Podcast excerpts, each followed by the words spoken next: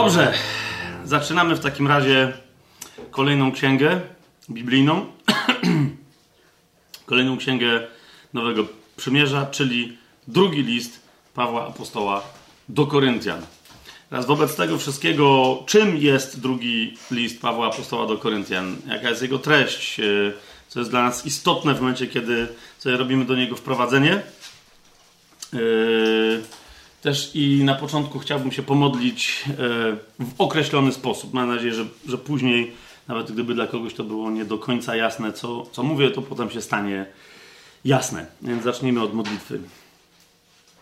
Ojcze, e, dzisiaj, właśnie kiedy zaczynamy studium mm, drugiego listu do Koryntian, e, bardzo Ci chcę podziękować za, za Pawła, za Pawła Apostoła za to wszystko, co Ty postanowiłeś mm, nam pokazać, nam objawić i nas nauczyć przez Niego.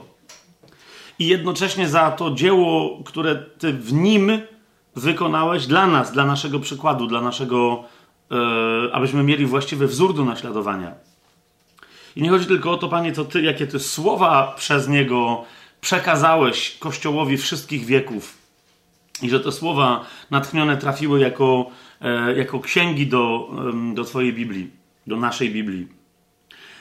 Ale też za to wszystko, co te słowa mówią nam i jak świadczą o tym, kim jest sługa Słowa Bożego. Kim jest człowiek, którym, który nie jest bezczelny, kiedy mówi: Naśladujcie mnie. I to wielokrotnie pod wpływem Ducha Świętego. No ojcze, jedyne o co y, w trakcie tego dzisiejszego studium e, Cię proszę i błagam, to jest to, jest to żebyśmy nie tylko doktryn, ale wzoru do naśladowania szukali, żebyś go, żebyśmy go znaleźli w tym, y, y, zwłaszcza w drugim liście do Koryntian. A znajdując, żebyśmy byli odpowiednio mocno zainspirowani do tego, Panie, żeby następnie ten wzór do naśladowania wcielać w swoje życie praktycznie. Nie tylko, żebyśmy wiedzieli, jak sprawy mają wyglądać, ale żebyśmy zaczęli żyć nimi tak, abyśmy z czasem stali się tak podobni do Syna Bożego,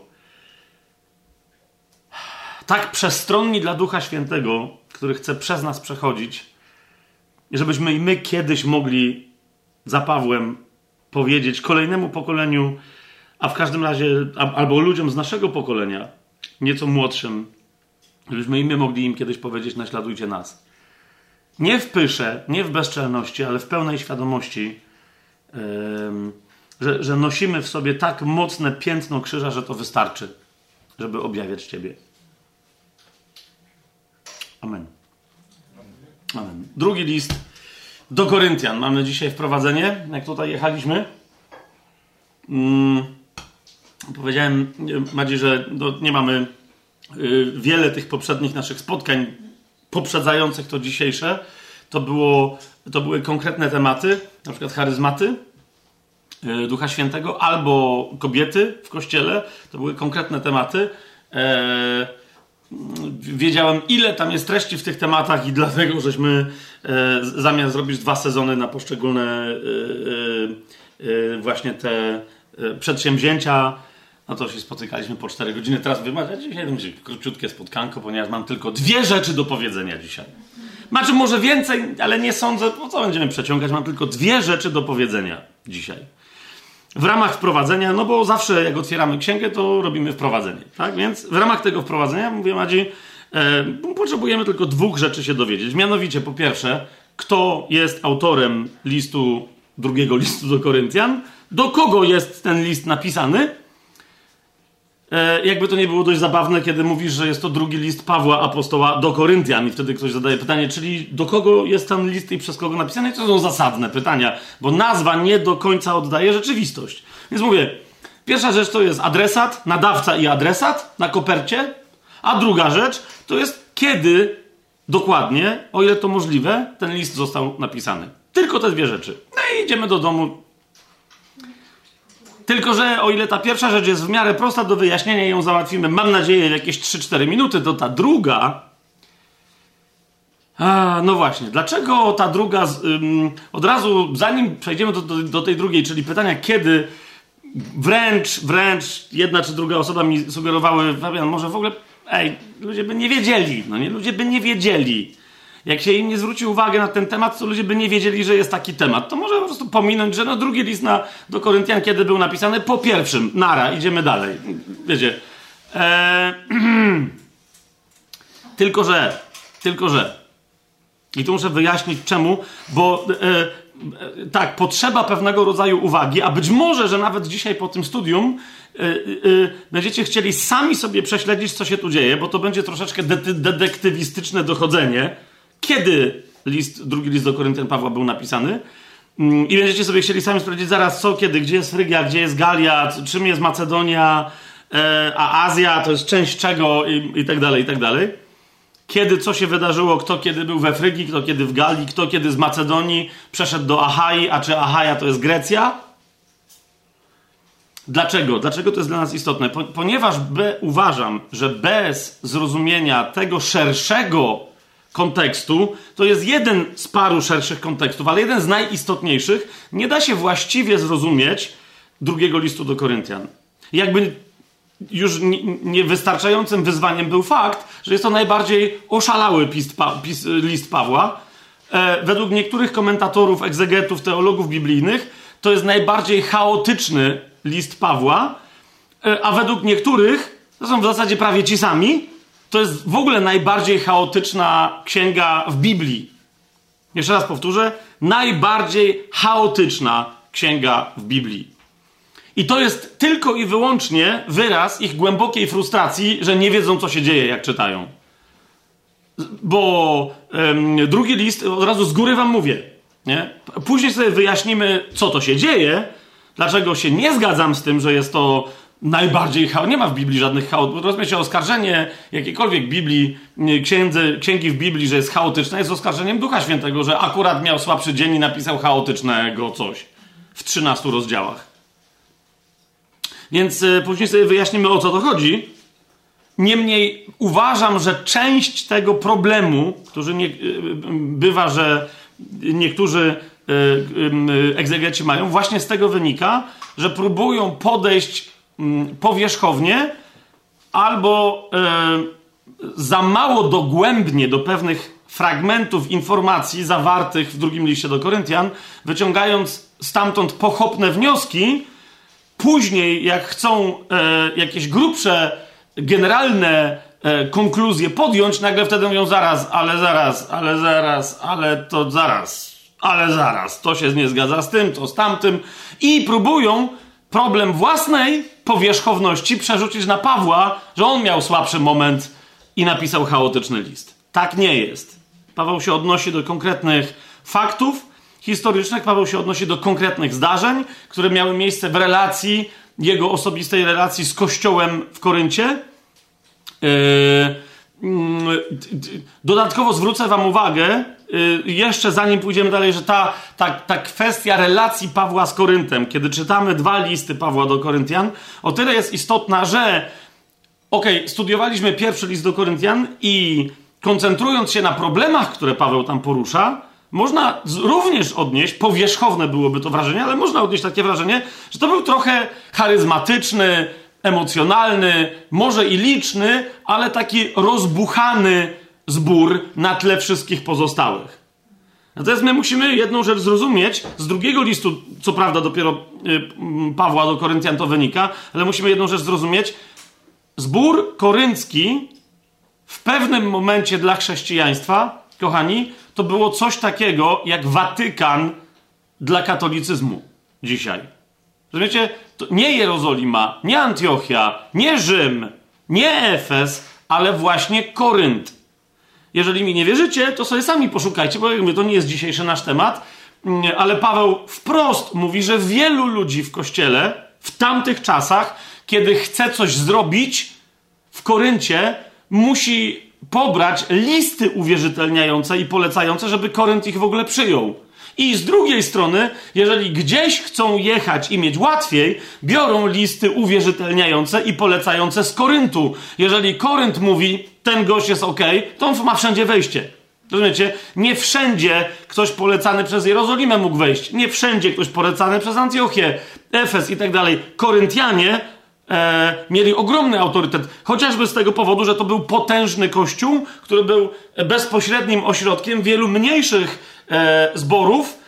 Nie zborów, że tak powiem, w Koryncie, tylko jako kościół lokalny e, wywierał ogromny wpływ to Korynt na przykład wywierał wpływ na Ateny, a nie odwrotnie. Rozumiecie? Gdzie w Biblii macie jakiś poważny kościół ateński, tak? Z drugiej strony to Korynt wywierał wpływ na kościół w Kenchach. Ehm, kojarzycie Kenchry, tak? W Kenchach Paweł zgolił głowę, bo złożył taki ślub. Dzieje 18, dzieje apostolskie 18, 18 i tak dalej. To był poważny e, Feba, tak? Była, była stamtąd, polecana w Rzymie. A jednak Kenchry w sensie, wiecie, zapatrzenia wzorowania się na kimś, kęchry patrzyły na Korynt, a nie odwrotnie. Jest to, jest to jasne, co mówię? To był potężny ośrodek, tam była masa ludzi i jak Paweł do nich pisze, to nie było, wiecie, to nie był zbór 40-osobowy, gdzie jeden uprawiał kazirodztwo, trzech innych chodziło do domów publicznych jeszcze pięciu piło yy, na wieczerzach, kiedy się chrześcijanie spotykali, no i jakby wiecie, cały zbór się składał z tych parunastu osób, do, o których Paweł mówi, że stanowią problem, nie? Nie, Paweł pisze do potężnego, pierwszy swój list, ten, który mamy w Biblii, pierwszy swój list, jeszcze doprecyzuję, bo, to, bo ten jego pierwszy list, o ile w ogóle pamiętacie wprowadzenie do pierwszego do Koryntian, to nie był jego pierwszy list do Koryntu, tak? E, o czym on w tym, to, że on jest pierwszy e, w Biblii, to, to nie, i, i, jeden z dwóch, to nie znaczy, że były tylko dwa listy do, do Koryntian, tak? Ale Paweł pisze ten list dlaczego? Ponieważ pisze go do Koryntu, jako do potężnego kościoła, na które jest tak wiele oczu, e, w którego stronę jest tak wiele oczu wpatrzonych, co robi Korynt, od którego mogą inni wziąć zły przykład. Przypomnę wam w pierwszym liście do Koryntian, zauważcie, jakie, jakie mamy tam wyzwanie. Paweł, e, to jest pierwszy do Koryntian, pierwszy rozdział, mm, e, drugi werset. Tak, zaraz po tym, jak Paweł się przedstawia, że to on pisze, a razem z nim Sostenes, o którym może jeszcze za chwilę jeszcze raz wam jedną rzecz przypomnę, bo dobrze, dobrze jest o, o tym Sostenesie pamiętać. W każdym razie Paweł pisze, zauważcie drugi werset, do Kościoła Bożego w Koryncie, do uświęconych w Chrystusie Jezusie, powołanych świętych, ze wszystkimi, którzy w każdym miejscu wzywają imienia naszego Pana Jezusa Chrystusa, ich i naszego. Widzicie o co mi chodzi? E, a więc sprawy, o których pisze Paweł w pierwszym do Koryntian, pisze do Koryntian, ale on wie, że cokolwiek e, u nich chce rozwiązać, na to będzie patrzeć cały Kościół, wszędzie na świecie.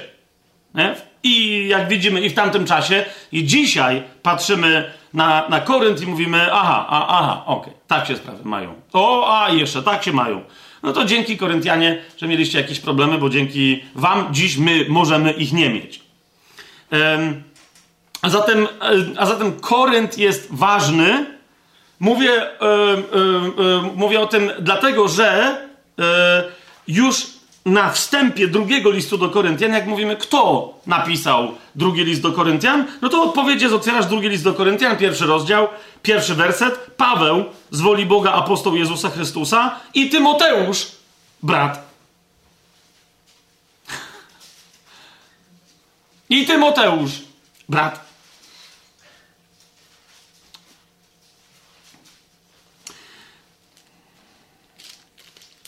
No to widzę, że chyba się orientujecie, mm, o co mi chodzi, ale jak się nie orientujecie, to otwórzcie sobie pierwszy list Pawła Apostoła do Tesaloniczan.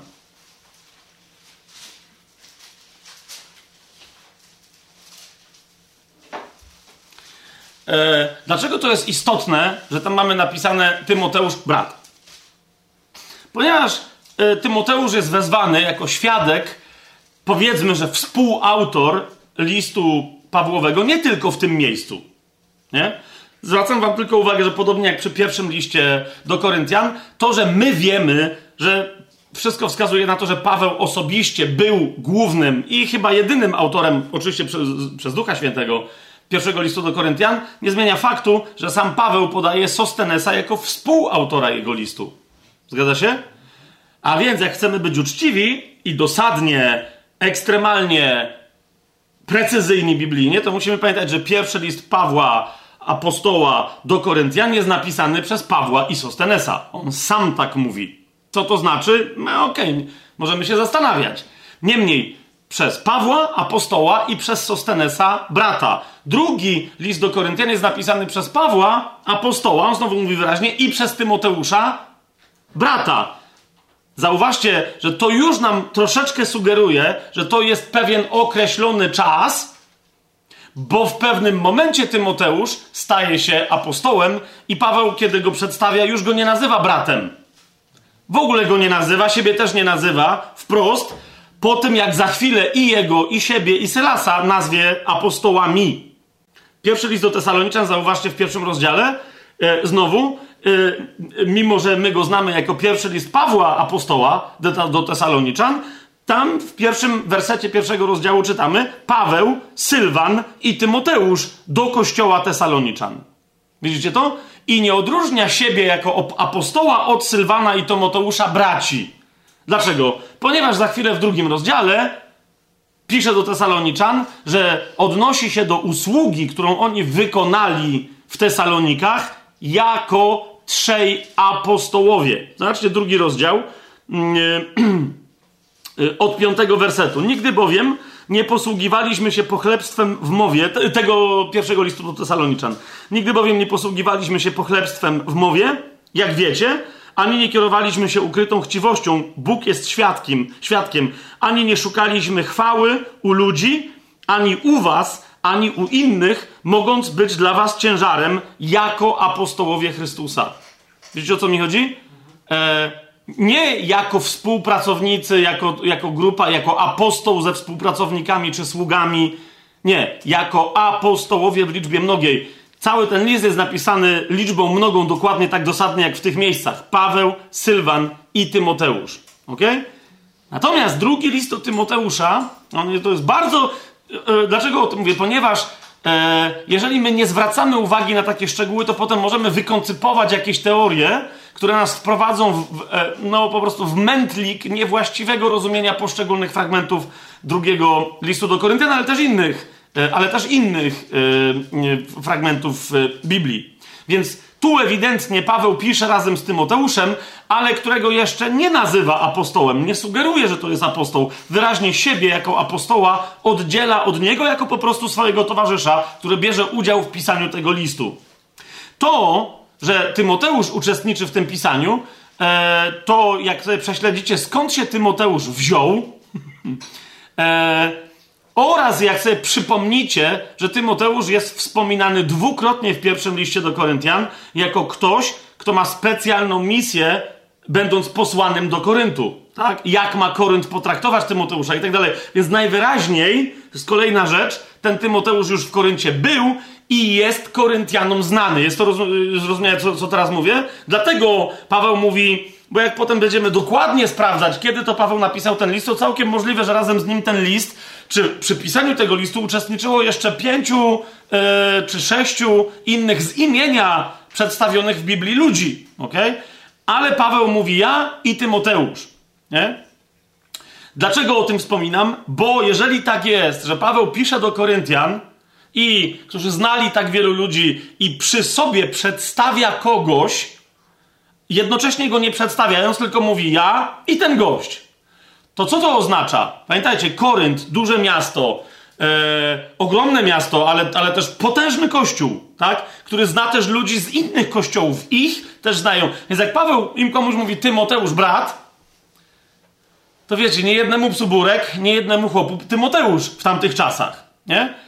E, to znaczy, że jak on pisze Tymoteusz brat, to znaczy ten Tymoteusz. Jasne? Jasne. Oczywiście, że jasne.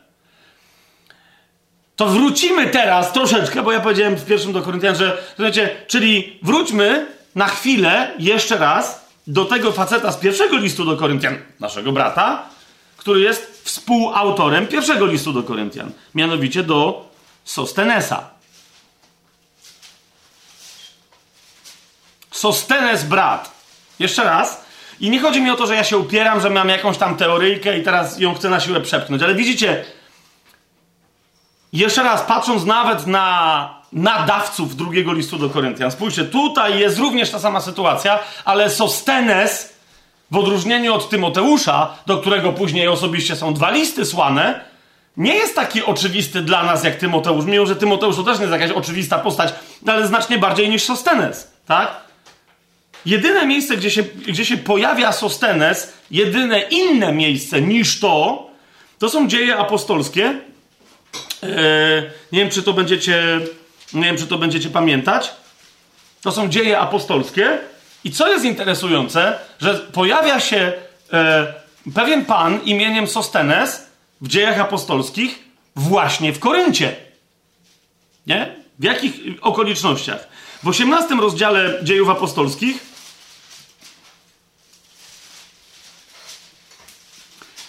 e, słyszymy najpierw, e, że jak Paweł przybył mm, do Koryntu, pamiętacie, on tam się poznał z Pryską e, i z Akwilą, z tym małżeństwem, tak? Wszyscy wiedzą, o czym, o czym ja teraz mówię. E, I między innymi człowiek, który jest tam też wymieniony, e, to niejaki Kryspus w ósmym wersecie. E, mianowicie jest powiedziane, że przełożony synagogi, no skoro synagogi, to znaczy, że Żyd, wyznawca judaizmu, tak? W Koryncie. Przełożony synagogi, synagogi Kryspus uwierzył w Pana wraz z całym swoim domem. Także wielu Koryntian, którzy słuchali, uwierzyło i zostało ochrzczonych. A zatem domyślamy się, że skoro była synagoga żydowska i jej przełożony się nawrócił, Kryspus, no to pewnie Żydzi mianowali następnego przełożonego, którego liczyli, co do którego liczyli, że będzie bardziej wierny niż Kryspus. Tak? I ten następca Kryspusa, jak się mianowicie, yy, jak się mianowicie nazywa? Hmm? Skąd o tym wiemy? Z 17, dokładnie, z 17 wersetu, bo tam niejaki Galio, prokonsul, e, mm, wywołuje w Żydach nadzieję, że może on wreszcie coś z chrześcijanami zrobi, a mówi, że pa, nie będę nic zrobić. I wtedy cały tłum rozwścieczonych nie-Żydów wszelkiej maści pogan, co robi? Wtedy wszyscy Grecy, ale to rozumiecie, to nie chodzi o to, że to są Grecy, tak? To są wszyscy poganie. E, w Nowym Testamencie, jak Paweł zwłaszcza, ale Łukasz, wszyscy w tej tradycji, jak mówią, nie ma Żyda ani Greka, to znaczy nie ma ani wyznawcy judaizmu, ani poganina. To, to zawsze zasadniczo, z wyjątkiem pewnych drobnych wyjątków, zasadniczo o to chodzi, tak? A więc wszyscy Grecy schwytali Sostenesa, przełożonego synagogi, i bili go przed sądem, lecz Galio na to nie zważał. Eee, I tyle. Nie ma żadnego innego Sostenesa w Biblii. Teraz e, to nie jest żadna teoria, ona nie jest do udowodnienia, żeby to było jasne. Ale sami powiedzcie, czy nie da się postawić takiej hipotezy, że Sostenes z Koryntu musiał uciec z Koryntu po całej tej historii, ale że się nawrócił i być może został współpracownikiem Pawła do tego stopnia, że kiedy Paweł pisze do Koryntian, to właśnie jego czyni swoim współ, yy, współautorem tegoż listu i na niego się powołuje. Rozumiecie? Bo inaczej my nie mamy żadnego innego Sostenesa. Jasne, no to nie jest jedyna taka postać. Nie, to nie jest jedyna taka postać. Ale też czemu, gdyby ten Sostenes, kolejny przełożony synagogi, nie był nikim istotnym, to czemu, wiecie, czemu Łukasz by go wymieniał z imienia?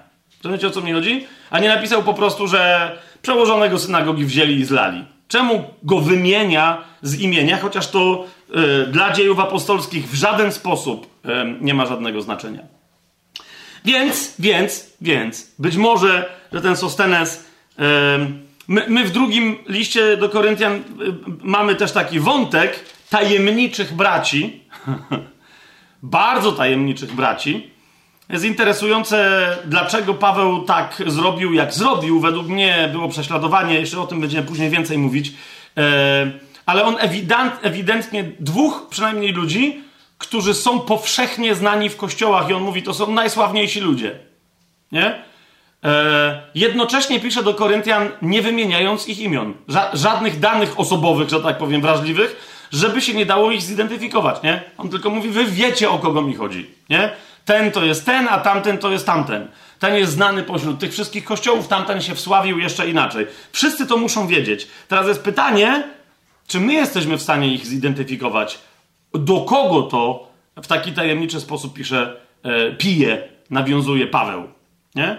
Niemniej yy, my, my to musimy rozumieć, że yy, pewne niejasności w tych, tych listach wynikają i Duch Święty je zostawił, żeby nam o tym przypominać, dokładnie z tego, że chrześcijanie musieli być trzeźwi i myśleć, co, jeżeli taki zapisany list wpadnie w niepowołane ręce. Rozumiecie? Najwyraźniej Tymoteusz, e, Sylas, inni, którzy są w pewnych kontekstach wymieniani, nie byli w tamtym momencie poszukiwani, nie? że tak powiem, listem gończym. Natomiast ci, o których Paweł mówi, przyjdzie ten i ten, i to są ci i ci, ale to wy wiecie, kto ma wiedzieć, ten wie, że się klasykiem, hasłem klasyka posłużę. Kto ma wiedzieć, ten wie. No to tam wszyscy, kto ma wiedzieć, to wiedział, tak? Ale nie napisał konkretnie. Więc jeszcze raz, yy, my tu nie mamy prawa robić żadnej wycieczki, ale ze względu yy, i, i twardej tezy stawiać, ale ze względu na to, na tego Tymoteusza w drugim do Koryntian jeszcze raz cały czas podtrzymuję tezę, że ten Sostenes z pierwszego do Koryntian może być Sostenesem z dziejów apostolskich. Okay? On, jeden i drugi jest bardzo mocno związany z Koryntem i być może jeden i drugi jest jednym i tym samym. Ale, ale, jak już mamy w drugim liście do Koryntian napisane, powiedziane, że pisze ten list, a więc nadawcą jest Paweł, jasna postać, i Tymoteusz, to zwróćcie uwagę, kto jest odbiorcą tego listu, bo odbiorca jest inny niż w pierwszym liście do Koryntian. W pierwszym liście do Koryntian Paweł napisał, że odbiorcą, odbiorcą jest yy, kościół w Koryncie i wszystkie inne kościoły. Ja bym osobiście dodał wszechczasów. Bo, bo jeżeli on mówi każdy wierzący na każdym miejscu, no to wiecie o co mi chodzi. To, to i w każdym czasie. Natomiast zwróćcie uwagę, odbiorcą tego drugiego listu yy, jest ktoś inny. Nieco inny. Znaczy, grupa jest bardzo mocno zawężona w stosunku do tego, że wszyscy chrześcijanie. Otóż odbiorcą jest, tak? Kościół Boży, który jest w Koryncie, ze wszystkimi świętymi, którzy są w całej Achai. Aha. Aha. To jest bardzo istotne. Po pierwsze, musimy yy, przy, przy, tej okazji sobie wyjaśnić troszeczkę geografię, bo ona za chwilę w ogóle będzie istotna.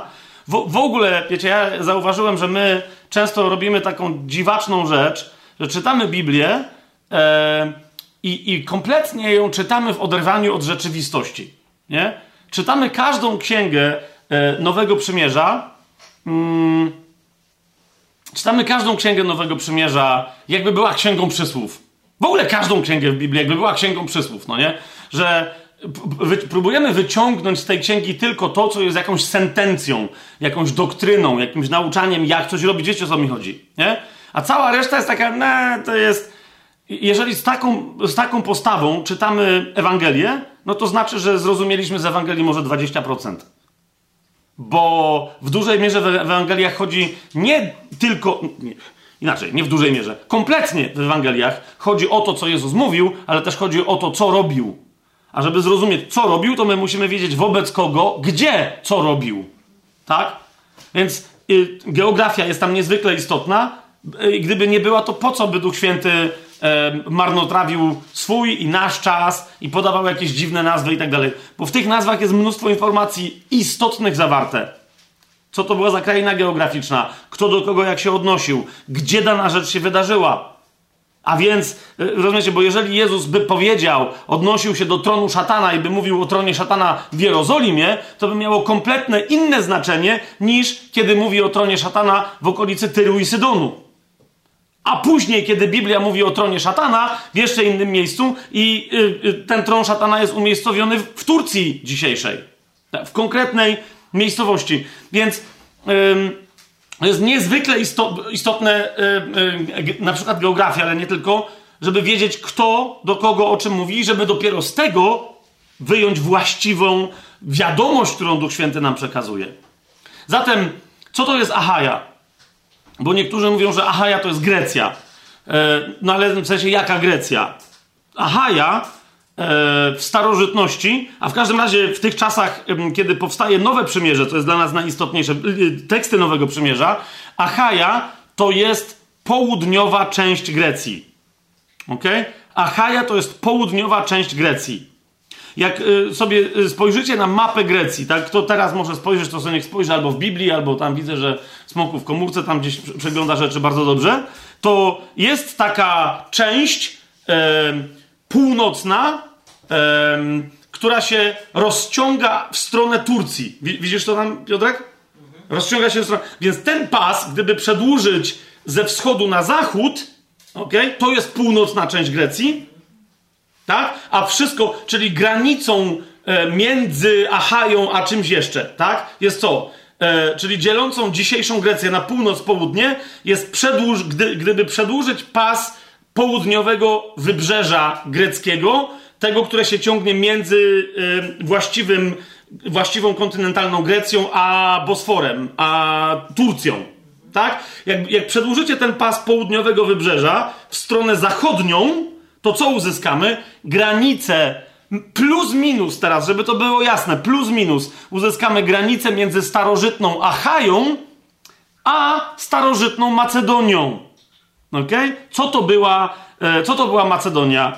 Macedonia, bo wiecie, zauważcie, to jest dla nas dlaczego istotne, bo zwłaszcza gdy chodzi o Pawła i jego podróże, ale nie tylko, rozróżnienie między Grekami z Achai a Macedończykami z Macedonii jest niezwykle istotne, kto jest kim i kto gdzie się znajduje. Więc Grecja to jest to wszystko na południe od tej granicy, którą sobie teraz yy, imaginacyjnie zarysowaliśmy, a Macedonia, uważajcie, to jest północna część dzisiejszej Grecji, ale też ten pas, który się znajduje nieco powyżej granicy Grecji. A więc, co tam będziecie mieli? Bułgarię południową to jest również część tamtej Macedonii, ok? Co dodatkowo będziecie mieli? Kraj, który bezczelnie, jak niektórzy mówią, nie wiem, czy tak bezczelnie, nie? Kraj, który się nazywał Macedonią, bo mówimy, o to była Macedonia, oraz część Albanii nawet. To była stara, ta, ta południowa południowo-wschodnia część Albanii, malutka, ale jednak to była istotna część y, Macedonii. Y, jest to, jest to jasne, co, co się dzieje? Y, to na przykład z Trakami, czy jak się pojawia temat Tracji w, w Biblii, z rzadka, ale się pojawia, i nawracania Traków później w pierwszych wiekach historii chrześcijaństwa, to zasadniczo jest mowa o Bułgarach dzisiejszych. Nie? Znaczy nie wiem, czy dzisiejszych, bo tam się, wiecie, Słowianie pojawili, ktoś tam jeszcze, to się wszystko tam mieszało, ale chodzi o tereny dzisiejszej Bułgarii. Natomiast, ale, ale, ale tej bardziej północnej, południowa Bułgaria i północna Grecja to jest Macedonia. Teraz, dlaczego to jest istotne, kochani? Ponieważ dla wszystkich naszych następnych w ogóle rozważań, dla Twoich osobistych rozważań, ponieważ, bo tu jeszcze jeden termin musimy y, wyjaśnić, y, Turcja dzisiejsza to w Biblii jest Azja. Siedem kościołów Azji to nie jest, rozumiecie, kontynent azjatycki, to jest konkretnie Turcja. Tak? To jest konkretnie Turcja. Eee, a więc Azja to jest prawie cała dzisiejsza Turcja. Wschodnia część Turcji, jeszcze to o tym będziemy kiedy indziej mówić, zwłaszcza przy okazji Galatów, czy też Galacjan. E, wschodnia część Turcji ta poniżej zwłaszcza e, późniejszego Konstantynopola czy dzisiejszego Istambułu, e, to są dwie krainy, które ta najbardziej, mm, że tak powiem, kraina wschodnia w Turcji, czyli starożytnej Azji, wyglądająca w stronę Grecji, ta kraina nazywana była Frygią, a jej sąsiadka wschodnia, czyli nieco w głębi lądu Azji umiejscowiona kraina, czy region nazywała się Galacją. Ok? To jest bardzo istotne. Ale Frygia i Galacja były częściami, yy, regi regionami Azji. To jest yy, jasne, to jest, co mówię? A więc, zauważcie, jest Azja, to jest Turcja. I teraz, jak z Turcji przez cieśninę bosforską chcesz przejść do, że tak powiem, właściwej Europy, to gdzie wchodzisz? Nie do Grecji, czyli nie do Achai, bo Achaja jest właściwą Helladą, to jest jeszcze inna nazwa na Grecję starożytną, tak? Wchodzisz z Turcji, czyli z Azji, tym wąskim przejściem, czyli po prostu, wiecie, promikiem, przepływasz gdzie? Do Macedonii, a dopiero z Macedonii możesz się dostać do Achai, czyli do właściwej Grecji, tak? I teraz, czemu to jest istotne? Bo centrum Macedonii, o ile nie ma w Biblii powiedziane inaczej, to jeżeli Biblia mówi Macedończycy albo mówi Macedonia, to chrześcijanie myślą Filipi. Nie? Więc na przykład list do Filipian jest klasycznym listem do Macedończyków. Tak? To, bo, bo, bo, bo Filip to, to, to nie jest centrum, to nie jest stolica całej Macedonii, ale chodzi nam o pewien punkt odniesienia duchowy. Podobnie jak, wiecie, de facto stolicą czy centrum politycznym e, Hellady, Achai, czyli Grecji starożytnej, znaczy, Grecji starożytnej, ale właśnie Achai, Achaja to jest dla nas istotne. Centrum politycznym w teorii powinny być Ateny, ale dla chrześcijan tym centrum był Korynt. Rozumiecie o co mi chodzi? Więc Achaja to jest wszystko, co się znajduje pod wpływem Koryntu, tak? E, Macedonia to jest wszystko, co się znajduje pod wpływem e, Filipi. Azja to jest w pewnym, zwłaszcza za czasów Pawła, to jest wszystko, co się znajduje pod bardzo mocnym wpływem Efezu, chyba, że jest to Galacja albo Frygia. No nie? To jest, to jest dodatkowe tam rozróżnienie. Ale zasadniczo centrum, centrum e, Azji to jest, e, to jest Efes. E, jako centrum tego, co Paweł rozumie przez Azję, ale też tego, co później, zauważcie, Pan Jezus rozumie przez Azję. Bo on jak pisze listy do siedmiu kościołów, zauważcie, to są listy do kościołów azjatyckich, czyli do kościołów, które się znajdują na terenie dzisiejszej Turcji. Jasne to jest? A y, dawniejszego cesarstwa y, wschodnio-rzymskiego, a w tych czasach, kiedy Pan Jezus pisał te listy, to jeszcze nie istniało osobne cesarstwo wschodnio-rzymskie, tylko wschodniej, ale, ale, ale, ale cywilizowanej najbardziej części cesarstwa rzymskiego w ogóle. Jest to jasne? Więc teraz zauważcie, co się dzieje. Paweł pisze razem z Tymoteuszem, mocno usługującym w Koryncie, nie jeden raz. Paweł pisze do Koryntu, i do całej Achai. Dlaczego, to, dlaczego tak bardzo na to zwracam uwagę? Ponieważ, kochani, to jest to właśnie, co Macie powiedziałem, jak jechaliśmy tutaj. Drugi list Pawła Apostoła do Koryntian nie jest chaotyczny. Jeszcze do tego mówię, wrócimy pod koniec dzisiaj, ale już na wstępie to musimy zaznaczyć. Drugi list Pawła Apostoła jest najbardziej osobistą księgą w całej Biblii. Taką tezę bym postawił. Raczej to jest najbardziej osobista księga w całej Biblii. W jakim znaczeniu najbardziej osobista? Że co, że Bóg jest najbardziej osobisty? Nie. To jest księga, hmm, jakby to powiedzieć. Bo wiecie, ktoś czyta, załóżmy, że czyta chronologicznie pismo, tak? I teraz czyta Ewangelię Mateusza, rozumie kontekst, ona jest pisana z myślą przez Ducha Świętego o Żydach, ale ta myśl powoduje, że i my coś rozumiemy od Żydów, super, wszystkim się udziela, elegancko. Potem jest Mareczek, bam, bam, bam, bam, nie, nie, nie brak szacunku, chodzi mu o to, że thriller, teledysk, kryminalno, akcyjno, chińskie sztuki walki, tak?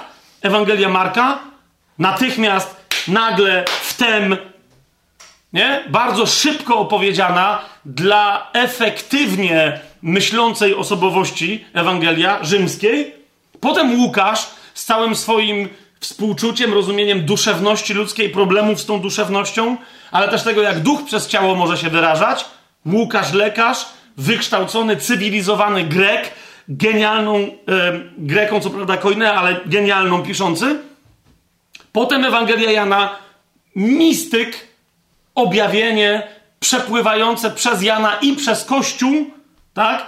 E, jeszcze inny sposób, wręcz Ewangelia Jana to jest refleksja nad wszystkimi trzema synoptycznymi poprzednimi Ewangeliami. Więc widzicie, jak to się wszystko układa. Potem dzieje apostolskie, historia wszystkiego, co się działo po zmartwychwstaniu do momentu, kiedy Paweł ląduje w Rzymie. List do Rzymian, katedra, katedra logiki teologicznej, zwłaszcza gdy chodzi o usprawiedliwienie z łaski przez wiarę. Pierwszy list do Koryntian, arcydzieło teologii eklezjalnej. Rozumiecie, jak ktoś tak czyta, po czym jest nagle drugi list do Koryntian. Rozumiesz, nagle, jak się yy, niegdyś w hucie mówiło, i nagle wertepety. Nagle ci się droga skończyła. Nagle się okazało, że musisz mieć 4x4, bo nie ujedziesz dalej. Takie są doły. Co w ogóle się tu dzieje? Dlaczego? Ponieważ, ponieważ drugi list do Koryntian jest, ma absolutnie sens, ale uważajcie teraz na to, co powiem. E, kiedy zrozumiemy, że, że oto Duch Święty w kolejności kolejną rzecz podnosi w, wręcz w hierarchii ważności i mówi: A teraz zrozumcie, jak istotne jest dla mnie, żeby duch wpłynął na duszę. Słowem, zobaczcie, jak wygląda osobowość człowieka przeze mnie przemienionego. Zobaczcie, jak wygląda osobowość. E, Paweł, dos, dosłownie, ci, którzy rozumieją troszeczkę, ale potem przez tych drugich, co mówią, że to jest chaotyczny list, są odżygnywani od czci i wiary, bo mówią, drugi list do Koryntian jest listem psychologicznym. Jest. Nie w takim sensie, wiecie, żebyśmy tam nagle podręcznik samopomocy chłopskiej znaleźli teraz co zrobić w momencie, kiedy masz depresję i co tam. Nie. Jest listem psychologicznym w sensie tego, jak bardzo Paweł ujawnia to, kim jest. Jeżeli sobie przypomnicie, zanim jeszcze poczytacie, ale moja zachęta jest jaka? No, idziemy dalej w Biblii, przeczytajcie, nawet jak czytaliście 100 razy drugi list do Koryntian, to zobaczcie, co, co Paweł, jak, jak Paweł woła, co mówi do Koryntian. Nasze serce otworzyło się przed wami, Koryntianie. W naszym sercu jest, jest, jest wam szeroko, ale nam w waszym jeszcze jest ciasno. Znaczy, Paweł tam się przedstawia, przecież to jest szaleństwo. Paweł się przedstawia Koryntowi w drugim liście do Koryntian jako swatka Koryntu z Jezusem. On mówi, ja was swatałam. Skoro swatka, to musiała swat, swatała, tak? Nie, nie, nie, ja was swatałem. A on mówi, ja was, przecież ja was, ja was, ja, ja byłem waszą przyzwoitką, żebyście tam za bardzo nie szaleli. Młodzieńcy. O, on też mówi, rozumiecie, on, on, on mówi, co mi się dzieje, że przed wami zachowuję się jak głupek, ale będę się zachowywał jak głupek. Tak was kocham. Chodzi mi o wasze dobro. Dokładnie o wasze dobro. I dlatego co? I będę gadać jak wariat. Wie, to drugi list do Koryntian jest non-stop. Więc jak ktoś mówi, no tak, no i rzeczywiście Paweł trochę gada jak wariat. No okej, okay, ale w tym szaleństwie jest metoda. I do niej jeszcze dalej dojdziemy. Otóż, yy, jak, więc widzicie, Paweł pisze do Koryntu, i tylko i wyłącznie do tych ludzi jako bezpośrednich adresatów, to nie znaczy, że dla nas rzeczy, o których pisze Paweł tutaj, bo rozumiecie, e, na przykład, ja nie wiem, czy jest drugi taki rozdział w Biblii, znaczy jest, na parę bym wskazał, e, ale to może inaczej powiem, czy nie ma, czy, nie wiem, czy jest wiele drugich innych takich rozdziałów w Biblii, jak piąty rozdział drugiego listu do Koryntian. Sam ten jeden rozdział wyjęty yy, wyjęte z Biblii. Myślę, że chrześcijanie powinni się nauczyć go na pamięć. Od początku do końca. I, i teraz rozumiecie, chodzi o to, że tam każde zdanie albo jest objawieniem jakiejś sensacyjnej prawdy, albo przedstawieniem w zupełnie nowy, świeży sposób e, prawdy znanej, ale, ale głębiej, albo przypomnieniem o czymś, o czym nam się łatwo zapomina. Dla niektórych kwestii, dla głoszenia Ewangelii, na przykład wiecie, gdyby nie piąty rozdział, nigdzie nie ma tak tego wprost napisanego, jak w piątym rozdziale drugiego e, listu do Koryntian, że kiedy Chrystus umierał na krzyżu, ojciec był w nim. Na, na przykład. Nie? Na przykład sugestia z tego rozdziału, że Paweł y, znał Chrystusa, no, bo ta sugestia jest tam dość mocna y, fizycznie, że go widział. To nie jest dziwne w Jerozolimie, może nawet go słuchał, ale on wtedy nic, nic, nic nie zrozumiał. A dziś w ogóle go to nie interesuje, żeby znać Chrystusa cieleśnie. Wiecie, a propos tych wszystkich, którzy nieustannie by chcieli mieć objawienie, żeby mi się Jezus zjawił i ich głaskał po głowie. Nie? A Paweł mówi: nie, nie, nie chcemy tego. Chcemy innej znajomości z Jezusem. Mówi o Trybunale Chrystusa, co powinno wielu przebudzić, że tak, my nie idziemy na sąd. Zgadza się, nie idziemy na sąd potępienia, ale, ale każdy chrześcijanin trafi na inny sąd, który jest przez Pawła w piątym rozdziale drugiego do Koryntian nazwany Trybunałem Chrystusowym. Mówi o tym, jakie powinno nam towarzyszyć pragnienie, pragnienie śmierci. Niektórzy mówią nie, pragnienie zmartwychwstania, a w każdym razie nie życia i nie zmagania się z tym ciałem. Czemu my w nim zostajemy? No to Paweł w wielu innych miejscach tłumaczy, czemu chce umrzeć, ale dlaczego żyć, dlaczego to i dla kogo jest jeszcze jakiś zysk. I, i więc w związku z tym e, komu on ten zysk zapewnia, bo nie sobie. Więc, więc rozumiecie, ni stąd w ramach tego niby chaosu pojawiają się w drugim liście do Koryntian non-stop tezy, którymi następnie później zajmuje się biblijna teologia i przeciera oczy ze zdumienia, mówiąc: Hej, Paweł tu rzeczywiście w dwóch zdaniach powiedział coś, o czym w życiu byśmy się nie skapnęli, że w ogóle ma miejsce, gdyby nie on. A on to mówi mimochodem w ramach swojego szaleństwa, w cudzym słowie. Nie? Samo rozwa- Paweł tu w ogóle o czym innym mówi, na przykład w pierwszym rozdziale drugiego do Koryntian, i tylko jego wtręt, dosłownie, nie jak to, jak to lepiej nazwać, wtrącił tylko uwagę na temat obietnic Bożych i ich wypełnienia i naszej pewności co do tego. Nie? Po czym to jest y, fragment inspirujący cały ciąg studiów teologicznych, biblijnych na temat obietnic, obietnic Bożych i naszego prawa mm, oczekiwania ich realizacji to jest cały, cały, cały nurt w teologii, rozumiecie, przez ostatnich zwłaszcza kilkaset lat, owocujący kolejnymi biblijnymi, genialnymi odkryciami, istotnymi dla życia chrześcijańskiego. Wow! A Paweł tutaj tak mówi, wiecie, tak o, w ogóle co, o czym innym, yy, o czym innym gada, nie? Więc, ale to powoduje, że niektórzy mówią, no ale to jest chaos. No nie mógłby chłop jakoś tam uporządkować. Nie, nie, nie, nie. Nie, yy, nie ma tu żadnego chaosu. To jest tylko człowiek, który przemawia do innych wierzących, których zrodził w Chrystusie, o czym yy, Koryntianom Paweł wielokrotnie przypominał, który przemawia do nich z pasją. Który przemawia do nich z pasją. Kochani, e, to, co, co Duch Święty w drugim liście do Koryntian podkreśla, to jest, że wielokrotnie dla niego istotniejsza jest pasja, to znaczy miłość Chrystusowa, która przez kogoś przemawia, gdy głosi innym, gdy świadczy innym, a niekoniecznie właściwe ustrukturyzowanie jego wypowiedzi, kompletna prawidłowość oraz nieomylność w cytowaniu, czy to był 16 rozdział i 7 werset czegoś, czy może 14 rozdział i drugi werset, bo ktoś się pomylił. I Duch Święty mówi, nie, to mnie w ogóle nie interesuje. Ja dbam o to, żeby prawda dotarła do drugiego serca, ale ona dotrze, moja prawda, a więc właściwa prawda, jedyna prawda, dotrze tylko i wyłącznie przez kogoś, kto się otwiera miłością i innych tą miłością też otwiera. Więc yy, jak będziemy dalej yy, czytać, studiować, pamiętajcie cały czas o tym.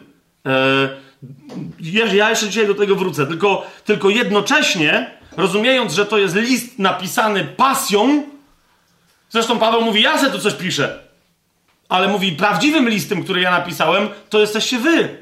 Nawrócenie każdej, każdego z was, którzyście słuchali mojego e, głoszenia Ewangelii, którzyście słuchali mojego nauczania, którzy jesteście posłuszni teraz temu, co do was mówię. Wy jesteście listem, wy jesteście moją chlubą. To jest list, który mi Jezus odczyta, jak ja stanę na trybunale. I jednocześnie, wy będąc posłuszni temu, co, do ja, co ja do was mówię, wam Jezus mnie odczyta jako waszą chlubę. Bo on wam policzy za chlubę co? Że mnie słuchaliście, bo rozpoznaliście, że on sam mówił do was przeze mnie. Nie? Więc yy, pamiętając o tej pasji jednocześnie, cały czas my powinniśmy dać się zapalić i ulec tej pasji, ale pamiętajcie, że ulegając pasji, yy, nie możemy stracić poczucia rzeczywistości. A więc w ramach pasji nie możemy zacząć gadać głupot, wysnuwać jakichś, jakichś dziwacznych tez, które są nieuzasadnione biblijnie. Tak? Yy, rzeczy, o których pisze Paweł, jeżeli chcemy wyciągnąć, bo w drugim liście do Koryntian jest mnóstwo rzeczy, które są nam konieczne do tego, żeby się czegoś nauczyć. Tak? Ale jeszcze raz, możemy naprawdę pójść w zupełnie jakieś odmęty, jakichś dziwnych koncepcji, jeżeli nie będziemy precyzyjnie rozumieli pewnych fragmentów, jaki jest ich kontekst i dlaczego teraz Paweł napisał to, co napisał. Czy mamy prawo jakąś tezę wysnuć? Znaczy, tezę to mamy prawo jako hipotezę wysnuć, ale czy mamy ją jako kompletne, udowodnione twierdzenie potem utrzymywać? I teraz, jednym z tych najważniejszych kontekstów, jak powiedziałem, bo już sobie powiedzieliśmy, kto do kogo napisał, tak? Bardzo osobisty list Pawła, który zawezwał na, świadko, na świadka jako współautora innego mocno usługującego u Koryntian brata, czyli Tymoteusza, pisze do kogo? Do Koryntu i do Achai, a nie do kompletnie całego chrześcijaństwa. Czemu? Bo Paweł nie zamierza udawać, że wszyscy inni chrześcijanie e, mają z nim relację czy historię taką samą jak Koryntianie i Achaja. Czy to jest jasne, co, co mówię? My też tego nie powinniśmy się jakoś, wiecie, wstydzić. Nie wiem, niektórzy mają strasznie jakieś takie, taką religię jakąś dziwną, że, że kochać trzeba wszystkich porówno i tak samo i coś tam. Przecież wiadomo, że tak nie jest, no nie? Po co takie głupoty w ogóle gadać? Nie? Cza czasem do pewnych rzeczy kogoś bardziej dopuszczamy w swoim osobistym życiu i także w duchowości, a czasem kogoś mniej. Zobaczcie, Pan Jezus miał 12 apostołów, miał też 70, ale czasem wybierał tylko trzech i z nimi poszedł na górę przemienienia. Tak? Do, do wskrzesić córkę Jaira też tylko z tymi trzema poszedł. Cała reszta mówi, nie, nie, wy nie. Tak? Więc jeżeli y, ktoś by na przykład wysnuł taką tezę, że Paweł wolał Koryntian od wielu innych zborów, e, to bym powiedział, no niekoniecznie najbardziej Koryntian wolał, ale zgadza się, znacznie bardziej z Biblii wynika, że ich wolał w pewnym momencie niż na przykład Rzymian. On w Rzymie w ogóle nie był, to czemu miałby tamtych woleć? Wszystkich traktował tak samo jako braci i siostry, ale rozumiecie? Ale do Rzymian wyraźnie pisał, mówi, no ale was tam kto inny nawracał. Ale, a tu to są moje dzieci. Więc teraz, jak już to mamy jasne, przejdziemy do tej odpowiedzi na to drugie pytanie, bo to jak widzieliście było prościutkie. A drugie pytanie brzmi, kiedy Paweł napisał drugi list do Koryntian? Zanim powiem w ogóle, czemu nas to interesuje, to najpierw się przyjrzyjmy, kiedy. I że jak się temu dobrze przyjrzymy, to od razu chcę, żebyście się temu przyjrzeli, że jak się będziemy przyglądać, to wejrzymy w coś, w co wszyscy powinni wejrzeć, a nie wiem, albo przymykają oczy, albo coś, albo im się nie chce, bo jak ktoś się dokładnie przejrzy, to mamy tam parę poważnych problemów. Zadając to proste pytanie, kiedy Paweł napisał drugi list do Koryntian? Nie problemów, które by miały być, wiecie, jakąś sprzecznością, podważyć Słowo Boże czy coś, tylko to są istotne dla interpretacji drugiego listu do Koryntian problemy. Więc kiedy Paweł napisał drugi list do Koryntian? Yy, no, najpierw zadajmy pytanie, yy, a kiedy napisał? Pierwszy, odpowiadaliśmy sobie ostatnio, ale po tamtej odpowiedzi wciąż niektórzy mówili, czyli co się stało, bo co się stało? Więc, więc, jeszcze raz. A nawet jakby ktoś wtedy zrozumiał, e, to dobrze. Repeticjo mater studiorum trzeba sobie powtórzyć. Kluczem do odpowiedzi na pytanie, w ogóle umiejscowienie na osi takiej czasu, wiecie, uniwersalnej historii ludzkości, jest postać niejakiego Galia. Dlaczego? W 18 rozdziale dziejów apostolskich czytamy, że mm, szybciutko tę historię przedstawię. To jest 18 rozdział dziejów apostolskich. W pierwszym wersecie czytamy, że potem Paweł opuścił Atenę i przybył do Koryntu. Ja pomijam, że mamy wiele innych tam postaci historycznych i tak dalej, na podstawie których e, inne e, datowania e, możemy pouzupełniać, tak? Ale o co mi chodzi? Paweł przybył do Koryntu i teraz w 12 wersecie mamy napisane, że gdy Galio był prokonsulem w Achai, Żydzi jednomyślnie powstali przeciw Pawłowi i przeprowadzili go przed sąd. E, o, otóż, otóż, Paweł był w Koryncie, to jest bardzo istotne, na pewno w czasie, gdy Galio był prokonsulem Achai. Tak? Zgadza się? E, co więcej, z dziejów apostolskich wynika, kochani, że mimo, że Ateny powinny być preferowane, z jakiegoś powodu ten prokonsul konkretny o imieniu lub też nazwisku Galio, o czym za chwilę, wybrał Korynt. Niektórzy mówią, no tak, ale my nie wiemy, czy on. Yy, czy, czy to pozwanie Pawła przed Galiem, bo widzi, jak on był Wahai, yy, postanowili Żydzi przyprowadzić go przed sąd. Być może, że go zaprowadzili do Aten. Może, ale w dziejach apostolskich Łukasz naprawdę, nie będę teraz się wdawać, wiecie, tu w całą gramatykę, w inne historie, ale naprawdę z jego opisu wynika, że prokonsul Ahai był, ponieważ był prokonsulem w Koryncie, z tej okazji między innymi skorzystali. Żydzi uznali, skoro prokonsul jest na miejscu, nie będzie się musiał, my nie będziemy się mu... Wiecie, bo nie można było tak sobie wziąć Pawła i zawieźć do Aten. Natomiast jak to był obywatel Koryntu, mogli przyjść i powiedzieć, no jest tu gościu, który, którym powinieneś się zająć.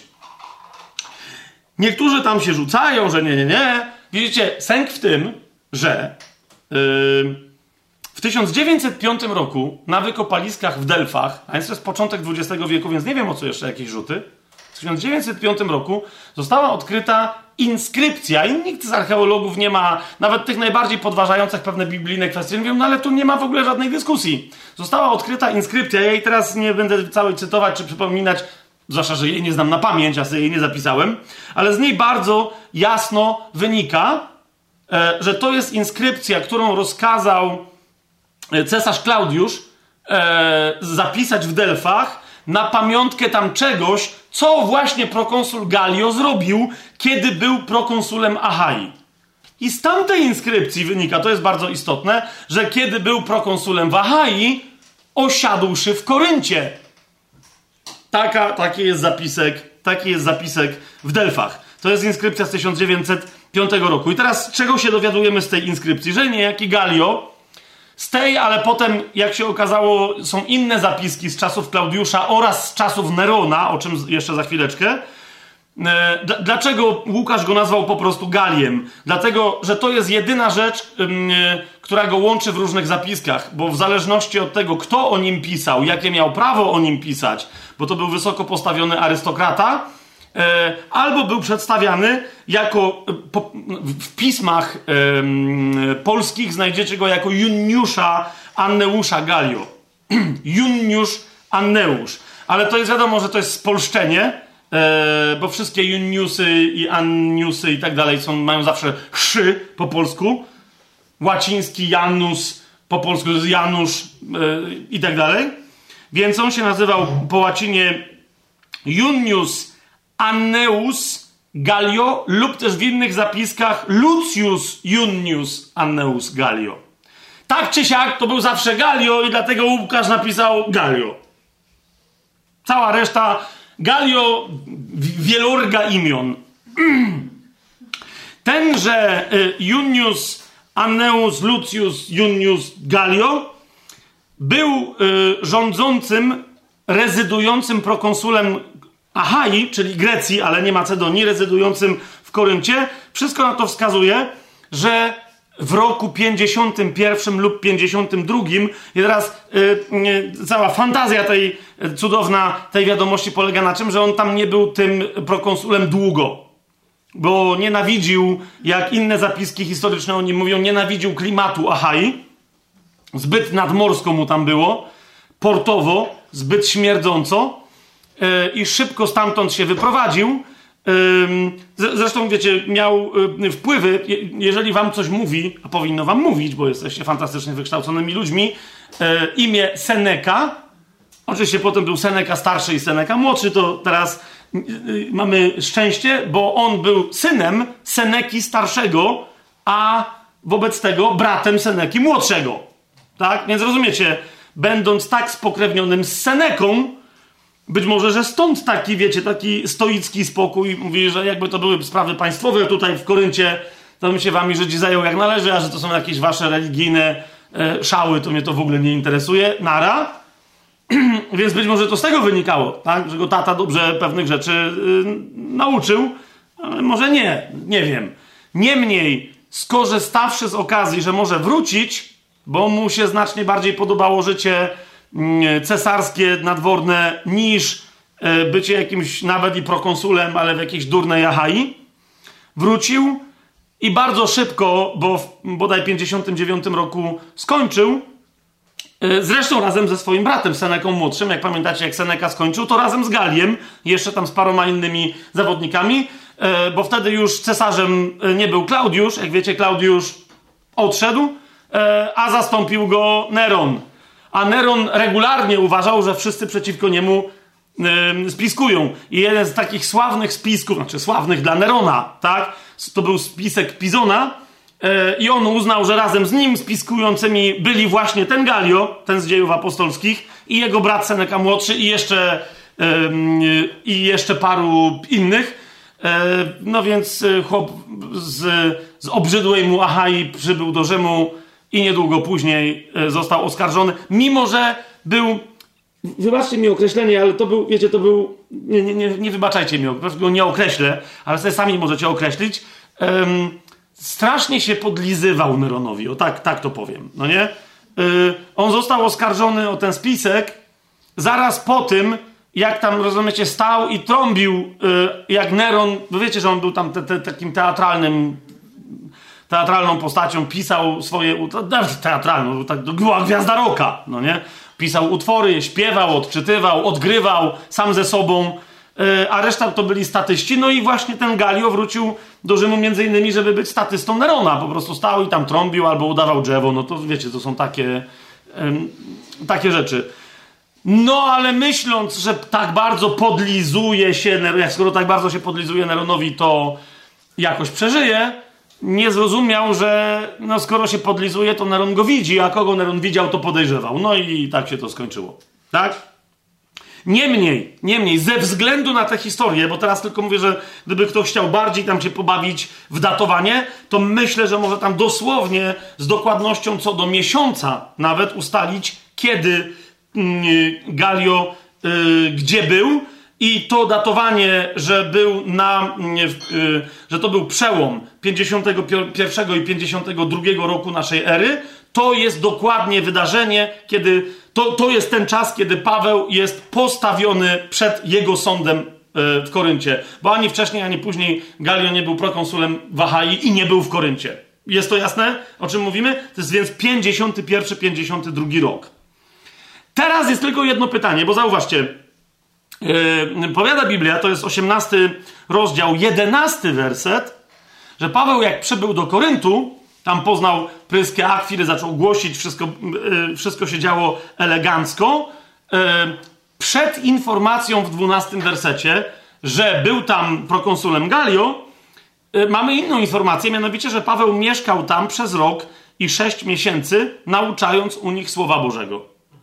I teraz wielu komentatorów mówi, że to jest czas obecności Pawła w Koryncie, kiedy tam był za pierwszym razem. Półtorej roku.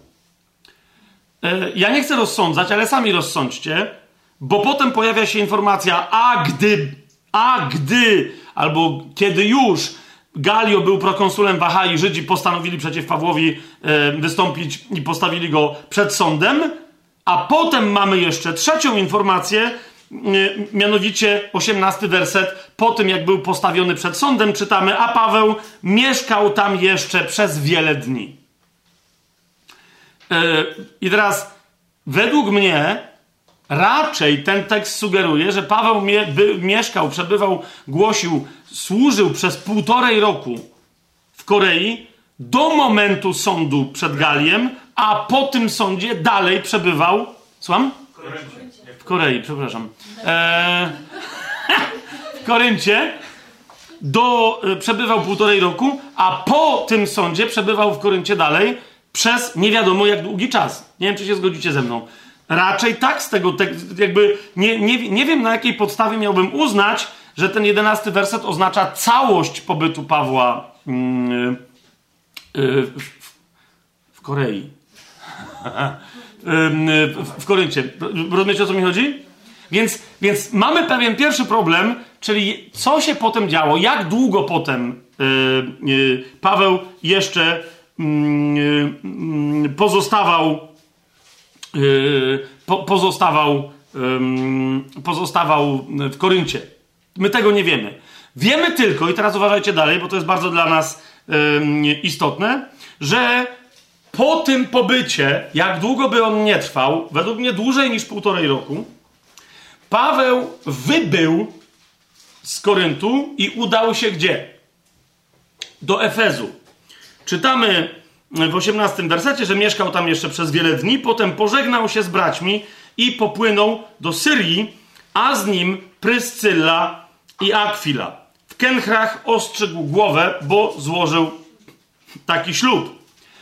A więc, co, czego się dowiadujemy? Że Paweł yy, z Koryntu wyszedł zapewne na nogach, bo to nie było daleko, i poszedł do portu w Kenchrach. Z portu w Kenchrach popłynął do Syrii. I teraz jeszcze mamy następną, następny kraj, on nie jest dla nas dziś zbyt istotny, ale z tego portu bardzo łatwo było płynąć do Syrii. To będzie dla naszych następnych dzisiaj rozważań bardzo istotne. Popłynął do Syrii. Syria znajduje się między Turcją, o której już mówiliśmy, a czym? A dzisiejszym Izraelem. Ok? To jest Syria i stolicą Syrii był i jest Damaszek. Więc to jest tam, gdzie oni popłynęli. Ok? Dlaczego ja więc powiedziałem, że udali się do Efezu? Bo z jakiegoś tajemniczego powodu to była właściwa droga, szybsza, nie wiem, łatwiejsza, bezpieczniejsza, nie wiem, ale y, jak dopłynęli do Syrii, potem z tejże Syrii przeszli do Efezu. Nawiasem mówiąc, e, wiecie, wędrówki piesze czy nie piesze, e, ale po prostu wędrówki regularne, przemieszczanie się między Syrią, północnym Izraelem, czy też Palestyną, a, e, a Turcją dzisiejszą, my ich, my, y, przykładów tego typu wędrówek i tego, że to nie jest, wiecie, jakiś, jakaś podróż, która, y, która by spędzała ludziom sens powiek, to, była, to było coś bardzo normalnego.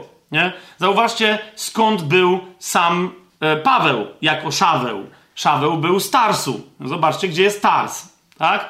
Więc na przykład jak Barnaba e, w pewnym momencie w Antiochii, to jeszcze zobaczcie sobie właściwą oczywiście Antiochię, gdzie ona się znajduje. Więc jak Paweł, e, jak Barnaba uznał, że musi iść po Szawła, to poszedł do Tarsu, pamiętacie to? I stamtąd go sprowadza do Antiochii. Wędrówki między Damaszkiem a Jerozolimą, między Damaszkiem a tak zwaną Azją, ich przykładów i w Starym, i w Nowym Testamencie znajdujemy multum. Nie? Więc być może, że tam, nie wiem, można było, wiecie, e, zwłaszcza, że tam też e, e, niekoniecznie trzeba było chodzić, tak? Ponieważ istniały tam trakty ze specjalnymi żłobieniami dla poczty cesarskiej, Poczta to była poczta ekspresowa tam, to, to był wóz ciągniony przez woły, yy, więc, więc leciało to prościuteńko, szybciutko. Yy, paradoksalnie szybciej niż, yy, bo to było pewne, to miało swoją obstawę i można było się przyłączyć do takiego taboru. I nie iść, koniecznie tylko jechać. To były też trakty handlowe i tak dalej. Rozumiecie, one były tam bardzo dobrze pilnowane. A więc zbójców po drodze, żadnych tam jakichś historii, nic takiego, nic takiego nie miało miejsca. Zatem, zatem z, macie z jednej strony Achaję, tak? Podróż do Syrii i stamtąd na nogach, czy jakoś tam, ale w każdym razie lądowo, droga w, na północ do Azji, a konkretniej rzecz ujmując do Efezu. Ale i teraz mamy bardzo istotną rzecz, tak? Bo my wiemy, że Paweł został w Efezie. Zgadza się? Zgadza się? Ale kiedy Paweł został yy, w Efezie? Bo zauważcie, że kiedy Paweł przybył do Efezu, razem z mm, Pryską i z Akwilą, ewidentnie informacja o Efezie w kontekście Pawłowym pojawia się po co? Tylko i wyłącznie po jedną rzecz.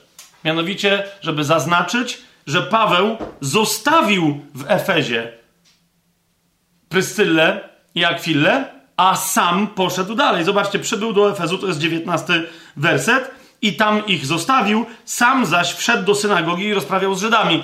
E, tam na miejscu, zgadza się, ale chodzi o to, że on ich tam zostawił, tak? Gdy go prosili, żeby u nich pozostał dłużej, nie zgodził się, ale żegnając się z nimi, powiedział: Nadchodzące święto muszę koniecznie obchodzić w Jerozolimie, lecz jeżeli taka będzie wola Boga, wrócę do was i odpłynął z Efezu. Hmm? Zauważcie, co się tutaj potem udał się do Cezarei, potem do Jerozolimy i tak dalej. Potem, to jest bardzo istotne, mieszkał przez pewien czas w Jerozolimie potem wyruszył, przemierzając krainę galacką i Frygię a więc wrócił do, znowu do jednej części Turcji, przeszedł do innej, tej najbardziej zachodniej, to jest Frygia, e, umacniając wszystkich uczniów. I w ramach tej takiej mini podróży, którą ja nazywam podróżą mini jerozolimską, bo z jakiegoś powodu niektórzy uważają, że jak Paweł opuścił Jerozolimę, to potem wrócił tylko, pamiętacie, wtedy jak już go tam wzięli i zaaresztowali. Nie? Nie no, tu mamy jeden z przykładów, kiedy Paweł był w Jerozolimie. W 22 wersecie tłumacz tutaj dopisał, że on się udał do Jerozolimy, gdzie pozdrowił Kościół. I niektórzy mówią, no to nie jest napisane, gdzie, no tak, ale z całego kontekstu wynika, E, I z gramatyki wynika, że on powiedział e, w 21 wersecie muszę koniecznie obchodzić święto w Jerozolimie i dokładnie tam dotarł w, w 22 wersecie. Jasne to jest? Więc on był tam w Jerozolimie bez żadnych problemów, przybył, wybył stamtąd i w momencie, kiedy Paweł odbywa tę podróż, zwracam wam uwagę, jest we Frygii, jest w Galacji, ale nie ma go w Efezie. W czasie, kiedy Paweł odbywa tę podróż, co się dzieje? Na scenę wchodzi Apollos. Ok? Na scenę wtedy wchodzi Apollos, bo właśnie wtedy, pod ów czas, 24 werset, powinien zaczynać się według mnie od tłumaczenia tego konkretnego słówka greckiego e, e, na język polski jako pod ów czas. Czyli albo wówczas, w tym samym czasie do Efezu przybył pewien Żyd imieniem Apollos. Pamiętacie yy, tego chłopa? Pryska za chwilą. On się pojawia potem w liście do Koryntian. Paweł przywołuje i mówi, niektórzy mówią, ja jestem Apollosa, ja jestem Pawła, ja jestem tak. Więc on jest bardzo ważną postacią. Paweł, Pawła cały czas nie ma w Efezie. Tam działa tylko pryska za chwilą i dołącza do nich Apollos. Tak? I teraz uważajcie, to jest niezwykle istotne. Kiedy dołącza do nich Apollos, Apollos z Efezu postanawia wyruszyć do Koryntu. Jak już yy, jest ogarnięty i oni się ewidentnie z Pawłem w Efezie rozmijają. Pawła nie ma w Efezie. Nie? Jest, jest mianowicie powiedziane, że kiedy 27 werset 18 rozdziału dziejów apostolskich, kiedy chciał się udać do Achai, kto? Apollos, bracia go zachęcili i napisali do uczniów, aby go przyjęli w Koryncie. Gdy tam przybył, bardzo pomagał tym, którzy uwierzyli dzięki łasce Bożej. Skąd my wiemy, że ta Achaja to był Korynt? Jeszcze raz wam powiedziałem, zasadniczo, jak nie ma innych wyjaśnień, Achaja to jest Korynt, Macedonia to jest Filipi, Efes to jest Efes, Galacja to jest Galacja, Frygia to jest Troada i tak dalej, i tak dalej. Nie? Tam są pewne punkty, ośrodki, więc jeżeli on się chciał udać do Achai, to było jasne, że do Koryntu i stamtąd, żeby, wiecie, żeby to była, powiedzmy, jego baza wypadowa apostolska, ale Korynt był dla chrześcijan w środku Achai. W 19 rozdziale, w pierwszym wersecie czytamy i stało się, że gdy Apollos przebywał w Koryncie, Paweł obszedł okolice wyżej położone, wyżej od czego? Ano wyżej od, zobaczcie 18 rozdział 23 werset, wyżej niż Frygia i Galacja.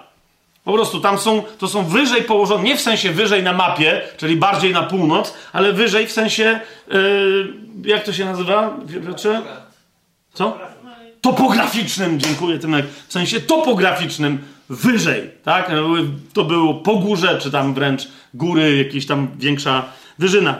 Więc Paweł wrócił do Efezu, kiedy Apollos był już w Koryncie. Yy, to jest bardzo to jest bardzo, bardzo y, istotne. I teraz, żebyśmy sobie odpowiedzieli na pytanie, kiedy Paweł pisze drugi list, jeszcze raz, jeszcze raz wam przypomnę odpowiedź na pytanie, kiedy Paweł pisze pierwszy list. Bo wszyscy mówią, Paweł pisze do Koryntian pierwszy list z Efezu. No tak, Oczywiście, że pisze z Efezu. E, w pierwszym liście do Koryntian przecież czytamy w 16 rozdziale, w ósmym wersecie, a w Efezie zostanę aż do pięćdziesiątnicy. No to nie jest dla mnie jakieś nieprawdopodobnie wielkie odkrycie, tak? Ale kiedy Paweł pisze do Koryntian z Efezu? O, jest bardzo.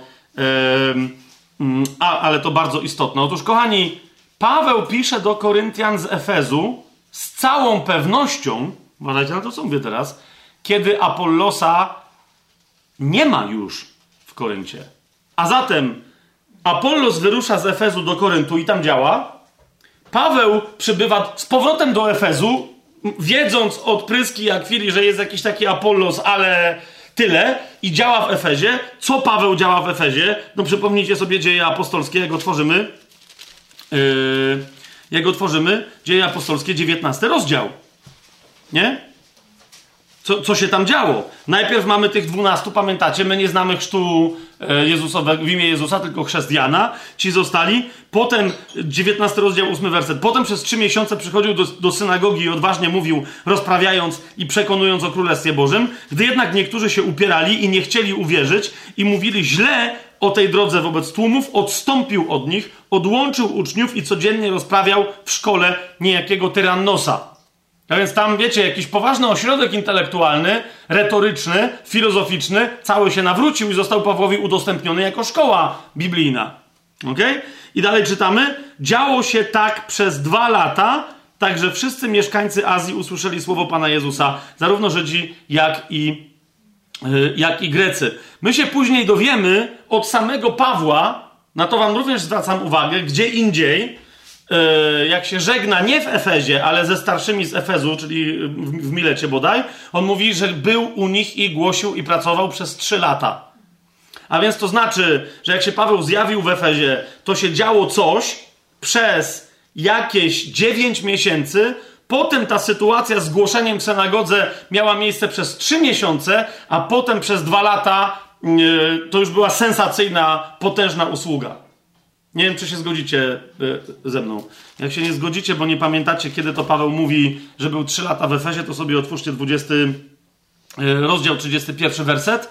E, tam Paweł do starszych w Efezie mówi: Dlatego czuwajcie, pamiętając, że przez 3 lata we dnie i w nocy nie przestawałem ze łzami napominać każdego z was. Widzicie to? Zatem, jeszcze raz, 19 rozdział nam mówi, że co? Stało się, że gdy Apolos przebywał w Koryncie, Paweł obszedł um, okolice wyżej położone i dotarł do Efezu. I to działanie, jego pierwszy etap tego działania, w ramach którego między innymi nawrócili się ci tak zwani uczniowie Jana, to jest pierwszych 9 miesięcy. Potem czytamy, że przez 3 miesiące przychodził do synagogi, bo wiecie, on w Koryncie też nie od razu poszedł do synagogi, jak pamiętacie. Tak? To nie było od razu przez trzy miesiące, a potem, po tych trzech miesiącach, więc one musiały zakończyć pierwszy rok działania Pawła w Efezie. Potem mamy dwa lata absolutnie sensacyjnego yy, Pawła. Yy, dziesiąty werset. Działo się tak przez dwa lata, tak że wszyscy mieszkańcy Azji usłyszeli słowo Pana Jezusa, zarówno Żydzi, jak i Grecy. Widzicie, to jest to, o co mi chodzi. Azja, centrum Azji to jest Efes, a Efes to jest wpływ na Azję. Jasne? I dalej. Bóg dokonywał niezwykłych cudów, przez ręce Pawła także nawet chustki albo przepaski z jego ciała kładziono na chorych, a choroby ich opuszczały i wychodziły z nich złe duchy. E, także wędrowni, tam nawet żydowscy egzorcyści naśladowali Pawła. No, znacie tę historię, tak? I teraz o co mi chodzi? Więc kiedy Paweł pisze pierwszy list do Koryntian? Pod koniec swojego pobytu w Efezie, czy to zamierzonego, czy niezamierzonego pobytu, tak długiego i czy to zamierzonego, czy niezamierzonego końca, ale pod koniec. Dlaczego? Ponieważ jeszcze raz powtarzam, Paweł mówi: Jestem w Efezie, ale Paweł też do Koryntian mówi: A u was Apollosa nie ma. Skąd o tym wiemy? Bo w pierwszym do Koryntian, w szesnastym rozdziale, zaraz po tym jak w ósmym wersecie Paweł mówi: A w Efezie zostanę aż do pięćdziesiątnicy.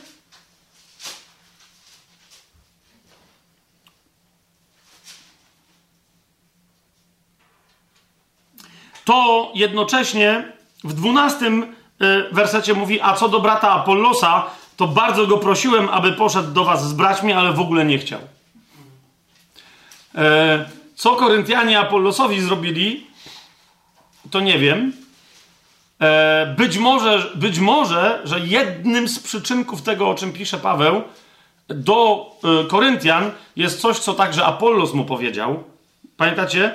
E, być może, że to był wręcz powód, dla którego Apollos opuścił Korynt, bo ludzie zaczęli się dzielić, mówiąc, my jesteśmy od Pawła, a inni nie, my jesteśmy od Apollosa, który akurat był na miejscu. Inni jeszcze powiedzieli, my jesteśmy od Piotra, który zapewne w drodze e, do Rzymu przez Neapol wylądował w Koryncie. Lub też jego jacyś uczniowie, my tego nie wiemy. W każdym razie, rozumiecie, całkiem możliwe, że to był powód, dla którego Apollos powiedział, nie, mam dosyć tego. Ja nie wiem, co z tymi dziadami trzeba zrobić. Wziął i poszedł stamtąd. Uważał, że tam był za duży yy, za duży chaos.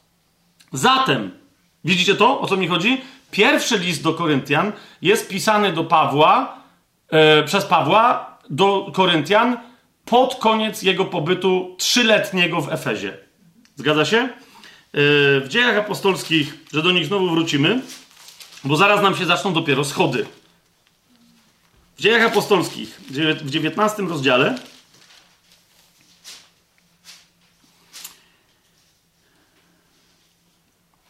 od 20 do 22 wersetu, co czytamy?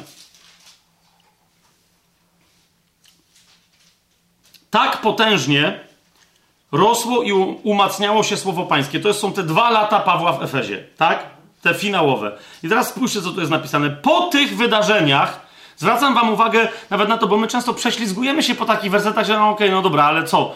Yy, a rozumiecie, to jest coś, o czym autor wie, że ty się dowiesz, niekoniecznie z czyichś zapisków historycznych, ale z tej samej księgi. Nie? Więc, więc uważajcie. A więc potężnie rozwijało się Słowo Boże. Po tych wydarzeniach Paweł postanowił w duchu, że po przejściu Macedonii i Achai pójdzie do Jerozolimy, mówiąc potem, gdy się tam dostanę, muszę zobaczyć także Rzym.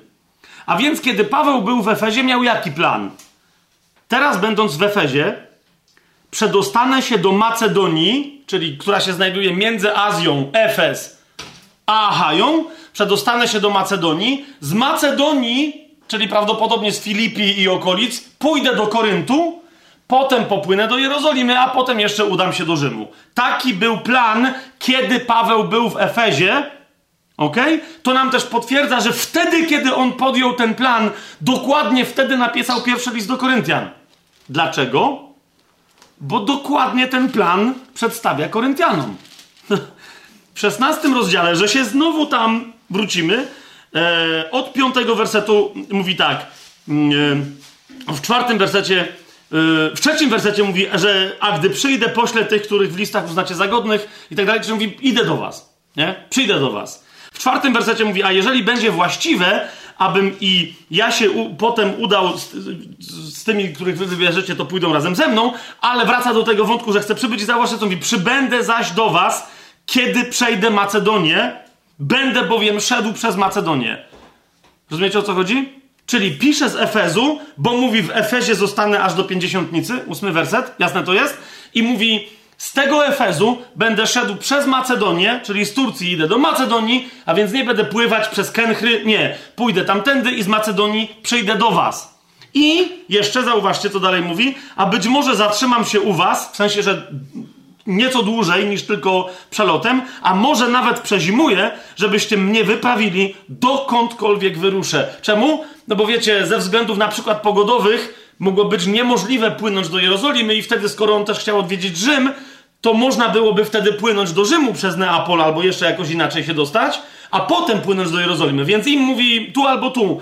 Ale widzicie, on mówi z Efezu pójdę do Macedonii i przyjdę do was, do Achai, do Koryntu. Więc jeszcze raz porównajcie sobie, co pisze Łukasz, 19 rozdział. Po tych wydarzeniach, tych wszystkich wspaniałych wydarzeniach w Efezie, Paweł postanowił w duchu, że po przejściu Macedonii i Achai pójdzie do Jerozolimy, mówiąc i tak dalej. Do, dotrze, czy popodróżuje, bo ciężko, żeby szedł stamtąd na nogach przez morze do, yy,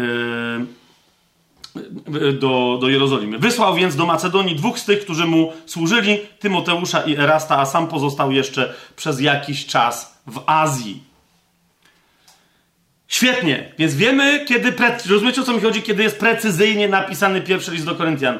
To jest gdzieś, no właśnie, to jest po tych wydarzeniach z Galiem w Koryncie, 51-52 rok, i potem sobie sami ustalcie, jak datować pewne rzeczy, jak liczyć nie? Ale trzeba do, do tego, co tam policzycie, ile to tych było wiele dni w Koryncie, potem podróż, mini podróż jerozolimska Pawła, potem historia e, z Efezem, trzy lata trzeba dodać i pod koniec tych trzech lat Paweł pisze pierwszy list do Koryntian, mając na myśli przyjdę do was przez Macedonię. Zgadza się? I teraz niektórzy e, powiadają, że niestety Paweł nie dotarł do Koryntian, mimo że im napisał, że dotrze, bo sam mówi, że do nich nie dotarł, a nie dotarł dlaczego? Ponieważ dzieje apostolskie nam mówią, że właśnie kiedy, 22 werset, 21 werset, podjął w duchu taką decyzję, żeby tam iść, postanowił w duchu, e, wtedy właśnie wybuchło e, prześladowanie Demetriusza. Nie? Czyli on nawet, wiecie, wysłał przed sobą no właśnie Tymoteusza, a razem z nim Erasta jako jego pomocnika. Sam pozostał jeszcze przez jakiś czas w Azji i dokładnie w tym czasie doszło do niemałych rozruchów z powodu tej drogi. Pamiętacie o co chodzi? Tam poszło o Matkę Boską, tak? E, no wtedy znaną e, mm, pod, nazwą Artemidy Efeskiej, czy też Diany Efeskiej. E, no ale po prostu to była figurka, którą oni tam czcili, ale zasadniczo to była Matka Boska Częstochowska, jakby coś takiego. No nie, bo to i, i chodziło o biznes, bo Demetriusz był lud, człowiekiem, który przewodził całemu związkowi zawodowemu, rzemieślniczemu, producentów dewocjonaliów tamtejszych, no nie? E, w 28 wersecie, no właśnie, jak po, po jego przemowie, tam wszyscy y, ogarną ich tam y, fanatyzm religijny, zaczęli krzyczeć: Wielka jest Diana Efeska, czy tam Matka Boska y, Efeska. No to wiecie o co mi chodzi, tak? I teraz niektórzy powiadają, że z tego właśnie powodu Paweł nie był w stanie zrealizować swojej podróży do Koryntu. Napisał list, ale nie był w stanie przybyć do Koryntu. Dlaczego to nam wywołuje już pierwszy problem? Bo faktem jest, że Paweł w drugim liście do Koryntian zaczyna się jakby tłumaczyć inaczej. Właśnie niektórzy mówią, że Paweł się tłumaczy, że wybuchło prześladowanie w, w, w Efezie. Cała Azja, no bo wiecie, to nie jest tylko Częstochowa, tak? Jak ktoś w Polsce atakuje Częstochowę i coś tam jakiegoś obrazu burczego robi, to cała Polska w teorii jest obrażona. Wiecie o co mi chodzi? Jak ktoś atakuje Wielką Dianę Efeską, Wielką Matkę Boską Efeską, to cała Azja, czyli Turcja tamtejsza była obrażona. I zauważcie, że rzeczywiście w drugim liście do Koryntian, w pierwszym rozdziale, w ósmym wersecie, e, a więc to jest kolejny list, Paweł pisze, nie chcemy bowiem, bracia, abyście nie wiedzieli o ucisku, który nas spotkał w Azji że byliśmy obciążeni ponad miarę i ponad siły. No, te rozruchy, które Demetriusz wywołał, odbiły się bardzo szerokim echem, w odróżnieniu od tych rozruchów, które Żydzi próbowali przeciwko Pawłowi wywołać w Koryncie. Nie? Tam Galio to wszystko uspokoił. Tu, no nie będziemy tego rozwijać, ale rozumiecie, to, było, to była poważna historia. I Paweł, znacznie to jest, więc jak Paweł tu, to on pisze dokładnie o rozruchach Demetriusza i o skutkach tych rozruchów. Nie? Byliśmy obciążeni ponad miarę i ponad siły, tak, że zaczęliśmy wątpić, czy przeżyjemy.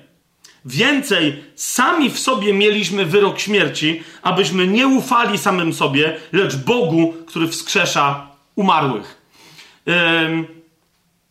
no i on tam mówi, że wy też się za nas modliliście, więc e, rzeczywiście Paweł odwołuje się do tego, że zaraz po tym, jak napisał do nich list, bo widzicie, jak on do nich pisze, jest w Efezie, ale nic się nie dzieje, bo by o tym wspomniał, nie? Drugi list już jest ewidentnie po tych rozruchach, bo on mówi, no były, było poważnie. Byliśmy gotowi yy, na śmierć.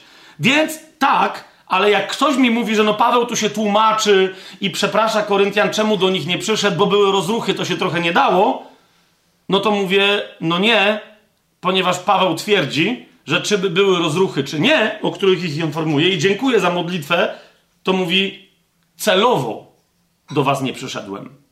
Zobaczcie, drugi rozdział, yy, pierwszy rozdział dalej, drugiego listu do Koryntian, wersety 15 yy, do 17. Bo tam Paweł mówi, że tam miał właśnie coś związanego z ufnością i od 15 wersetu mówi tak, z tą ufnością chciałem przybyć do was wcześniej, abyście otrzymali powtórne dobrodziejstwo, to dosłownie kolejną łaskę a od was udać się do Macedonii, a z Macedonii znowu przybyć do was i zostać przez was wyprawionym do Judei. Tu Paweł trochę inaczej te plany, jak widzicie, przedstawia, yy, bo być może, że po tym jak napisał do nich list, ze względu na te rozruchy, jednak łatwiej by mu, by mu było, e, wiecie, przemycić się i wsiąść na okręt w Efezie i popłynąć do Kench, a nie iść całą drogą Y, wiecie, przez Galację i Frygię, które należą do Azji, bo cała Azja powstała przeciwko nim. Więc być może ten oryginalny plan pójdziemy na nogach przez Galację, Frygię, do Macedonii, no bo to jest Azja, do Macedonii, a potem do Aha i być może uległ zmianie i nawet Paweł stwierdził, popłynę do Koryntu, potem pójdziemy do Macedonii, bo to jednak był jego ważny cel, a potem znowu do was wrócimy i stamtąd do Jerozolimy. Jak wiecie, plan jest prawie ten sam. Nie tylko uległ trochę zmianie, no bo wybuchły prześladowania. Z tą ufnością chciałem przebyć do was wcześniej, abyście otrzymali powtórne dobrodziejstwo, od was udać się do Macedonii, a z Macedonii znowu przybyć do was i zostać przez was wyprawionym do Judei. I teraz uważajcie, bo Paweł tego nie zrobił i ewidentnie Koryntianie nie sądzą, żeby z przyczyną tego stanu rzeczy były prześladowania. Dlaczego? Bo drugi list do Koryntian to są odpowiedzi Pawła, to jest jeden z nurtów, drugi, takich wiecie, wątków, który się przewija jako taka szkarłatna nić przez cały ten list. To są odpowiedzi do Koryntian na konkretne zarzuty, które mu stawiają pewni ludzie w Koryncie. Dzisiaj o tym w ogóle nie będziemy mówić, ale to jest to, no nie, że tam są ludzie, którzy powstali, fałszywi apostołowie, którzy powstali przeciwko Pawłowi i Paweł mówi, kończymy, kończymy ten temat, nie może tak być. Więc to jest w zasadzie pierwsze pytanie. Co, no i co? I Paweł niby postanowił, niby obiecał, że przyjdzie i nie przyszedł. Do tego on się odwołując, odwołując pisze 17 werset. Czy więc tak postanawiając, postąpiłem lekkomyślnie? Albo czy to, co postanawiam, postanawiam z ciała, aby u mnie tak, tak było i nie, nie? No bo, bo to jest, Paweł mówi, to jest to, co tam niektórzy z was mnie oskarżają, że Paweł jest duszewny, jest cielesny, jest zmysłowy, to było z ciała. Po co pisze głupoty? Że przyjdzie, e, skoro potem nie przylazł. I niech się nie tłumaczy, e, prześladowania by wręcz go przyspieszyły, żeby do nas dotrzeć. I co? Zobaczcie, Paweł rozwijając tę myśl, tylko tam teraz mówi o tym, co to jest tak, tak, co to jest nie, nie, bo od razu odbija piłeczkę do głupiej i fałszywej teologii tych, którzy właśnie mu to zarzucili, że jest cielesny, w tym samym pierwszym rozdziale, w 23 wersecie mówi tak: A ja wzywam Boga na świadka mojej duszy, że aby was oszczędzić, nie przybyłem do Koryntu. Uhu. O, panie. Tam było ostro.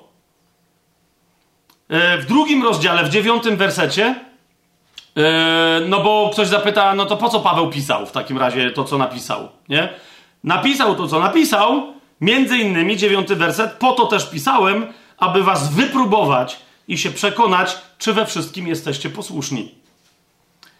I niektórzy mówią, no nie, nie, nie, bo to interpretacja na czym polega? Nie, ale Paweł przecież nie mógł ich okłamać. Eee, no zgadza się, tylko przecież Paweł ich nie okłamał. Paweł nie powiedział, że z całą pewnością coś zrobi i coś planuje i tak dalej, i tak dalej, i tak dalej. Tylko cały czas zanim mówi, przybędę zaś do was, w pierwszym do Koryntian w 16 rozdziale, w piątym wersecie, to tam jest tryb pewien warunkowy, dwukrotnie przez Pawła podbity wcześniej, jeśli będzie właściwe, jeśli będzie, on cały czas mówi, jeśli będzie właściwe, żebym stąd udał się tam, jeśli będzie właściwe, że kiedy przyjdzie, przyjdę to i tak dalej. Cały czas wcześniej jest tryb, jeżeli to będzie właściwe. Jeżeli Pan da i tak się uda i tak dalej. To jest taki tryb, rozumiecie o co mi chodzi? I wtedy, jak to wszystko, to ja wtedy u was będę. Po czym, ale Paweł wyraźnie mówi, jest pewna myśl, bo być może w ramach tego trybu warunkowego, jak pamiętacie w pierwszym do Koryntian, e, Paweł, e, Paweł naprawdę ich ostrzega, sugerując dokładnie to, co w drugim liście potwierdza. Na przykład e, w czwartym rozdziale pierwszego listu do Koryntian mówi wyraźnie, osiemnasty werset, niektórzy wbili się w pychę, jakbym nie miał do was przyjść. Lecz przyjdę do was wkrótce, jeżeli Pan zechce. Widzicie o co mi chodzi? To jest cały czas. Paweł mówi: Mam taki zamiar. Mam taki zamiar, tylko że jak ja przyjdę, to będzie niedobrze. Naprawdę lepiej dla was, żebym nie przechodził. No. Więc mówi, niektórzy, dobrze, przyjdę do was wkrótce, jeżeli Pan zechce i poznam nie słowa pysznych, ale ich moc. I w 21 wersecie mówi, co chcecie, mam przyjść do was z rózgą, czy z miłością i w duchu łagodności? Nie? Więc jeszcze raz, drugi list do Koryntian, pierwszy rozdział mówi wyraźnie, 23 werset. Wzywam Boga na świadka mojej duszy, że żeby was oszczędzić, nie przybyłem dotąd do Koryntu. Jeszcze mnie nie widzieliście w Koryncie. Po drugie, Paweł mówi, po to też pisałem, drugi rozdział yy, drugiego do Koryntian, dziewiąty werset, po to też pisałem, aby was wypróbować i się przekonać, czy we wszystkim jesteście posłuszni. Nie Bo wiecie, łatwo być posłusznym, jak przyjdzie mocny apostoł i po prostu, wiecie o co chodzi, walnie pięścią w stół i powie, zaraz, co jest grane? I wtedy wszyscy chodzą, nie? Ale on mówi, czy jesteście posłuszni Panu przez moje słowo? I po trzecie, yy, na początku drugiego rozdziału Paweł powiada również, że nawet jakby musiał iść, to bardzo nie chciał iść w celach, w których by musiał iść. Mianowicie, postanowiłem to sobie, powiada w pierwszym wersecie, aby nie przychodzić do was znowu w smutku. Nie? Czyli najwyraźniej poprzednie, e, poprzednia bytność Pawła w Koryncie tak bardzo była związana, czy w każdym razie pojawienie się w Koryncie tak bardzo było związane, wiecie, z stanem e, pewnym, emocjonalnym i duchowym, że on nie chciał drugi raz to samo, a tym, tylko że tym razem chodziło nie o to, że go zasmucili na przykład Ateńczycy, tylko że sami Koryntianie go zasmucili. Nie? Yy, I jeszcze stwierdzili, że to on ich zasmuca, bo do nich takie smutne listy pisze. Nie? Więc drugi werset, co jest dzisiaj znowu z, Madzią, z moją żoną, żeśmy rozmawiali, yy, że naprawdę czasem niektórzy powinni dla w ogóle precyzji nauczenia się myślenia Ducha Świętego, czyli żydowskiego, oryginalnego hebrajskiego myślenia, powinni się zatrzymać nad takim wersetem jak werset drugi i się zastanowić, czy aby dobrze rozumieją, co tu jest napisane. Jeżeli bowiem ja was zasmucam, to jest kolejny raz Paweł mówi, że ja bym do was przyszedł smutny. A to jest co? To jest sugestia, ale wy tymczasem twierdzicie, że to wy jesteście smutni. To zauważcie, jaka jest jego odpowiedź. Jeżeli bowiem ja was zasmucam, to któż może mnie rozweselić, jeżeli nie ten, którego ja zasmucam? Przyjrzyjcie się dobrze temu zdaniu, co Paweł tu wyprawia. Bo ja myślę, że Koryntianie, znając Pawła, zatrzymali się tu i stwierdzili: O ja cię. Jak nie widzicie tutaj groźby i wyjaśnienia, że jak Paweł jakby przyszedł, to on miał wszystkie moce po temu, żeby oni przestali twierdzić, że oni są smutni, a żeby zaczęli jego rozweselać. Nie? To jest, y, to jest to genialnie tutaj wyrażone. Nie? Aha, czyli ja was zasmucam. No to skoro was zasmucam, to mnie teraz rozweselcie. To, to jest dokładnie, Paweł mówi, nie? Jak ktoś się zaczyna targować, a nie ma po co, nie ma mocnego punktu wyjścia i nie obczaja, że się targuje z Żydo-Ormiano-Chińczykiem. Nie? Jak ten mówi, ile to kosztuje 100 zł. Ten mówi, może 90, yy, 110, 80, 120. Rozumiesz, no jaki masz punkt wyjścia do negocjacji z Pawłem, jak jesteś w Koryncie? Tak? Więc Paweł powiada, że celowo nie przyszedł. Rozumiecie? E, jak, ale, ale właśnie, jak żeśmy doszli do momentu, bo cały czas się pytamy, kiedy Paweł napisał drugi list do Koryntian, tak? To mam do Was kolejne pytanie, bo nie wiem, czy widzicie, jak z tej ewidentnej celowości wynika jeszcze większy problem. Dobra, niektórzy widzą, niektórzy nie, inni smokają.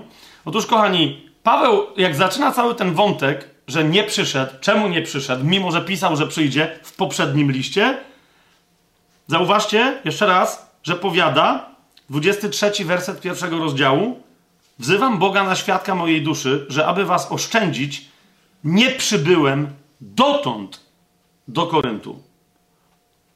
Odkąd? Od momentu, jak wam napisałem, że przyjdę, aż dotąd. A zatem od momentu, kiedy Paweł napisał pierwszy list, teraz pisze drugi, nadal nie było go w Koryncie. Zgadza się? Halleluja! Dlaczego? To jest problem? Otwórzcie sobie drugi list do Koryntian, 12 werset, 12 rozdział, przepraszam, 14 werset. Bo Paweł pisze: Oto po raz trzeci jestem gotów przybyć do was. What? Oto po raz trzeci jestem gotów przybyć do was, pisze Paweł, a dalej w trzynastym y, rozdziale powtarza, jakby ktoś miał wątpliwość, oto teraz po raz trzeci idę do was. Paweł mówi. Mhm. Czemu to stanowi problem? No bo jest pytanie, zaraz, o jednym przybycie Pawła, przybyciu Pawła do Koryntu wiemy. Z Aten, zgadza się? I teraz wygląda na to, że Paweł, jak przybył do Koryntu z Aten i potem wybył z Koryntu, napisał pierwszy list do Koryntian. No nie do końca. tak? Nie do końca, bo on pisał pewne listy do Koryntian, oni mu odpisywali, ale w każdym razie po wybyciu z Koryntu Paweł pisał ten list, który my znamy jako pierwszy i wygląda na to z pierwszego listu, że był tam tylko raz. Kiedy? Ano wtedy, kiedy tam przyszedł z Aten. Tak? Bo w pierwszym do Koryntian, w drugim rozdziale, pierwszym wersecie czytamy I ja, bracia, gdy do was przyszedłem, nie przybyłem z wzniosłością mowy lub mądrości, głosząc wam świadectwo Boga. Postanowiłem bowiem nie znać wśród was niczego innego, jak tylko Jezusa Chrystusa i byłem u was w słabości, w bojaźni i z wielkim drżeniem. To jest przyjście Pawła do Koryntu z Aten. Zgadza się? A więc Paweł w tym liście odwołuje się do tej jednej konkretnej wizyty, którą złożył, po której został w Koryncie. Zgadza się? To teraz, kochani, jeżeli Paweł pisze w drugim liście do Koryntian, że trzeci raz wybiera się do Koryntu, a w pierwszym liście do Koryntian odwołał się do swojej pierwszej wizyty, to znaczy, że między pierwszym listem do Koryntian a drugim listem do Koryntian był w Koryncie. Zgadza się? I teraz, yy, I teraz ja się uśmiecham i teraz tak, no nie. Yy, no jest yy, na przykład y, John MacArthur, jeden z takich głośnych, wciąż żyjących dzisiaj y, cesacjonistycznych, ale bardzo dobrych komentatorów Biblii, y, żeby nie było. I on dokładnie obstaje przy tej teorii, że pomiędzy pierwszym a drugim listem do Koryntian Paweł był w Koryncie, Paweł był w Koryncie, i miał przybyć po raz trzeci. Tak? Tylko, że wtedy moje pytanie brzmi: no to jak był, to czemu odwołuje się do zapowiedzi z pierwszego listu i mówi, że cały czas jej nie zrealizował? To jest moje pierwsze pytanie. To nie o co idzie. Teraz drugie, jeżeli Paweł był w Koryncie, to, yy, to bo niektórzy mówią, że no w związku z tym zwróćcie uwagę, jest taki e, w drugim liście do Koryntian, drugi rozdział. Tam Paweł wyraźnie mówi o pewnym człowieku, któremu została wymierzona kara w Koryncie, i Paweł mówi, że dobrze zrobiliście i dajcie już mu spokój.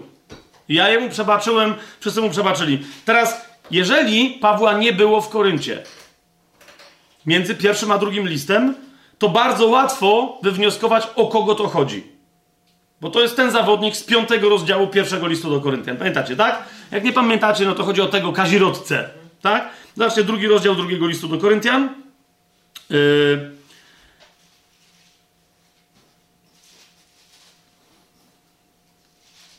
Ósmy werset.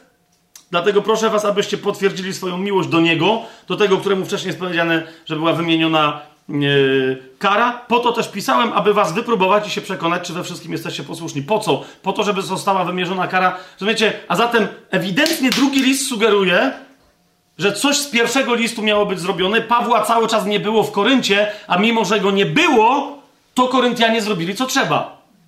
Tak?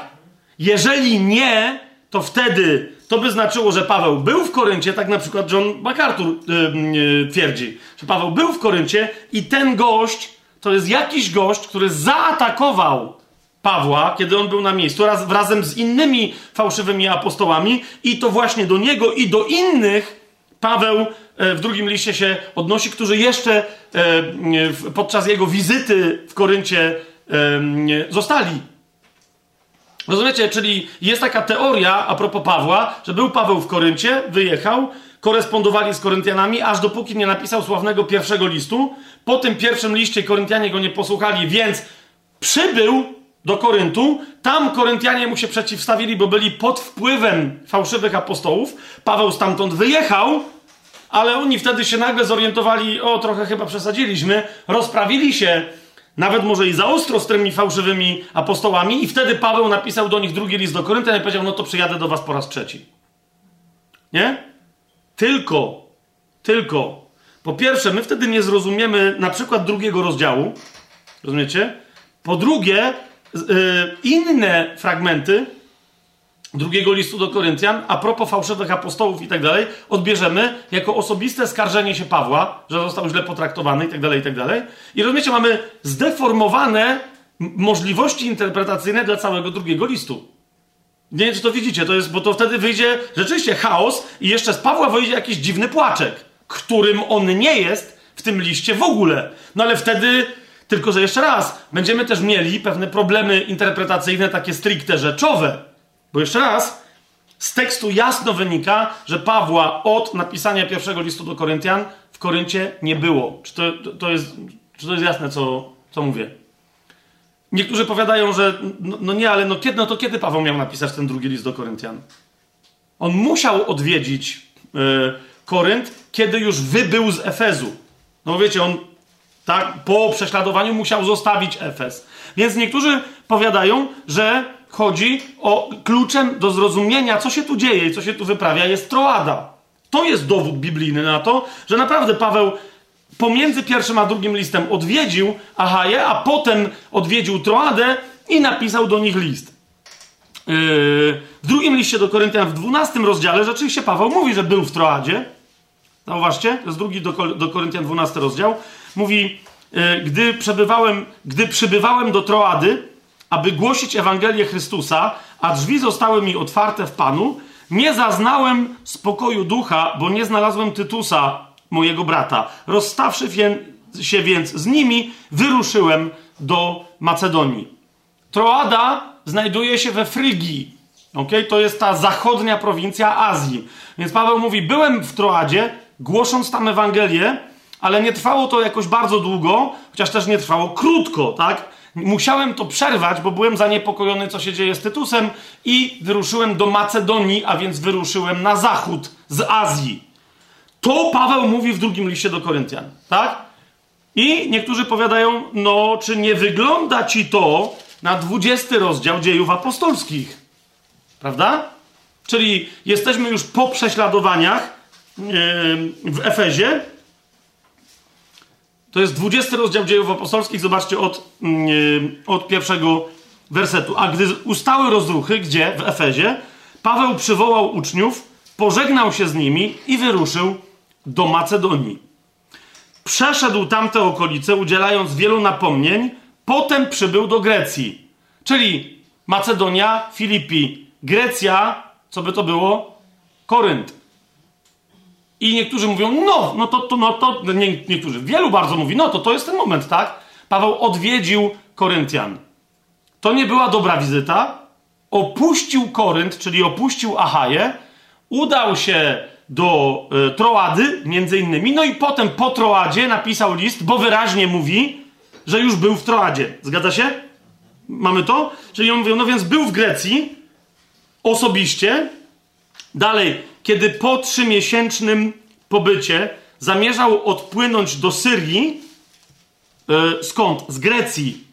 Tak? Zamierzał odpłynąć więc w stronę Damaszku co, wiecie, z Kenchry, Damaszek, pamiętacie, to była obcykana, że tak powiem, trasa, yy, o której, na którą między innymi podróżował z Pryską i za chwilą, tak? Więc kiedy po trzymiesięcznym pobycie zamierzał odpłynąć do Syrii, Żydzi urządzili na niego zasadzkę, więc postanowił powrócić przez Macedonię. E, zaraz, powoli. Czyli w momencie, kiedy był rzekomo w Koryncie, bo zauważcie, że ta Grecja tutaj. Okej, okay, ale nawet jeżeli był w Koryncie, Paweł się nie udał w stronę Azji, nie udał się w stronę Syrii, ale wrócił do Macedonii. Zauważyliście to? Teraz idziemy dalej. Razem yy, z nim do Azji, a więc widzimy, że Paweł wyruszył do Azji, czyli do Frygii, czyli do Troady frygijskiej. Chciał wyruszyć nie statkiem, ale na nogach przez Macedonię. Razem z nim do Azji wyruszyli Sopater z Berei, z Tesaloniczan Arystarch i Sekundus, i Gaius z Derbe, i Tymoteusz, a z Azji Tychikus i Trofim. Ci poszli pierwsi i czekali na nas w Troadzie. Zatem, czego się dowiadujemy? Że Paweł dotarł do Troady, a więc do Frygii, przez Macedonię, razem z całą tą ekipą. Łukasz, który był z inną ekipą, to już teraz nie chcę mieszać dodatkowo z jaką on był ekipą, bo zauważcie, że jego nie ma z Pawłem. No mówi, Paweł z tą ekipą poszedł. A my, więc jak widzicie, nie zawsze tam, gdzie jest my, tam jest Paweł w dziejach apostolskich, tak? Mówi, a my po święcie prześników odpłynęliśmy z Filipi. Filipi to jest Macedonia i po pięciu dniach przybyliśmy do nich, do Troady gdzie spędziliśmy 7 dni. Eee, gdzie widzicie tutaj, że Paweł w Troadzie głosi Ewangelię? To jest po pierwsze. Po drugie, Troada jest tu już z dawien dawna nawrócona. Po trzecie, Paweł tu yy, nie dość, że jest bardzo krótko, to, za, to załatwia sprawę, że się tak wyrażę, wewnątrz kościelne. Nie? Zobaczcie, co się, co się dzieje. Pierwszego dnia po szabacie, gdy uczniowie zebrali się na łamaniu chleba, siódmy werset, Paweł, który miał nazajutrz odjechać, przemawiał do nich, przeciągnął mowę aż do północy w sali na piętrze. Pamiętacie, tam ten chłop spadł yy, z okna, zabił się, Paweł go wskrzesił. I teraz, co w tym wszystkim jest istotne? Że Paweł z Troady, a więc z Frygii, w tym konkretnym przypadku nie wyrusza z powrotem do Macedonii. On tu z tej Macedonii przyszedł, żeby iść dalej. Czy to jest jasne, co ja gadam teraz? Nie? Więc on tutaj, zobaczcie, my zaś, 13 werset, wsiadłszy wcześniej na statek, popłynęliśmy do Assos, skąd mieliśmy zabrać Pawła. Tak bowiem postanowił, sam chcąc iść pieszo. Więc oni popłynęli do Assos, ale on poszedł do Assos. Assos już nieważne gdzie jest, ale to nie jest Macedonia. Więc rozumiecie, kiedy Paweł pisze o tym, że był kiedyś w Troadzie, głosząc tam Ewangelię, a potem poszedł do Macedonii, to nie jest ten fragment. Czy to jest yy, jakoś zrozumiałe? Dla to jest, wiecie, to bardzo łatwo pokazać. To jest Macedonia, jest Troada wymieniona, no, tylko są też miejsca, gdzie Troada nie jest wymieniona, ale jest oczywistym centralnym ośrodkiem, tak jak tu też nie ma wymienionego Koryntu wcale, a jakoś niektórzy twierdzą, że skoro Grecja, to Korynt. Zwłaszcza, że skoro Macedonia, to Filipi. Ja się zgadzam. Skoro Macedonia, to Filipi, skoro Grecja, czyli Achaja, to Korynt. Paweł tu był, ale niektórzy mówią, i on po tej wizycie dopiero okay, napisał do nich list. Nie. Myślę, że nie. Otwórzmy sobie drugi list do Koryntian.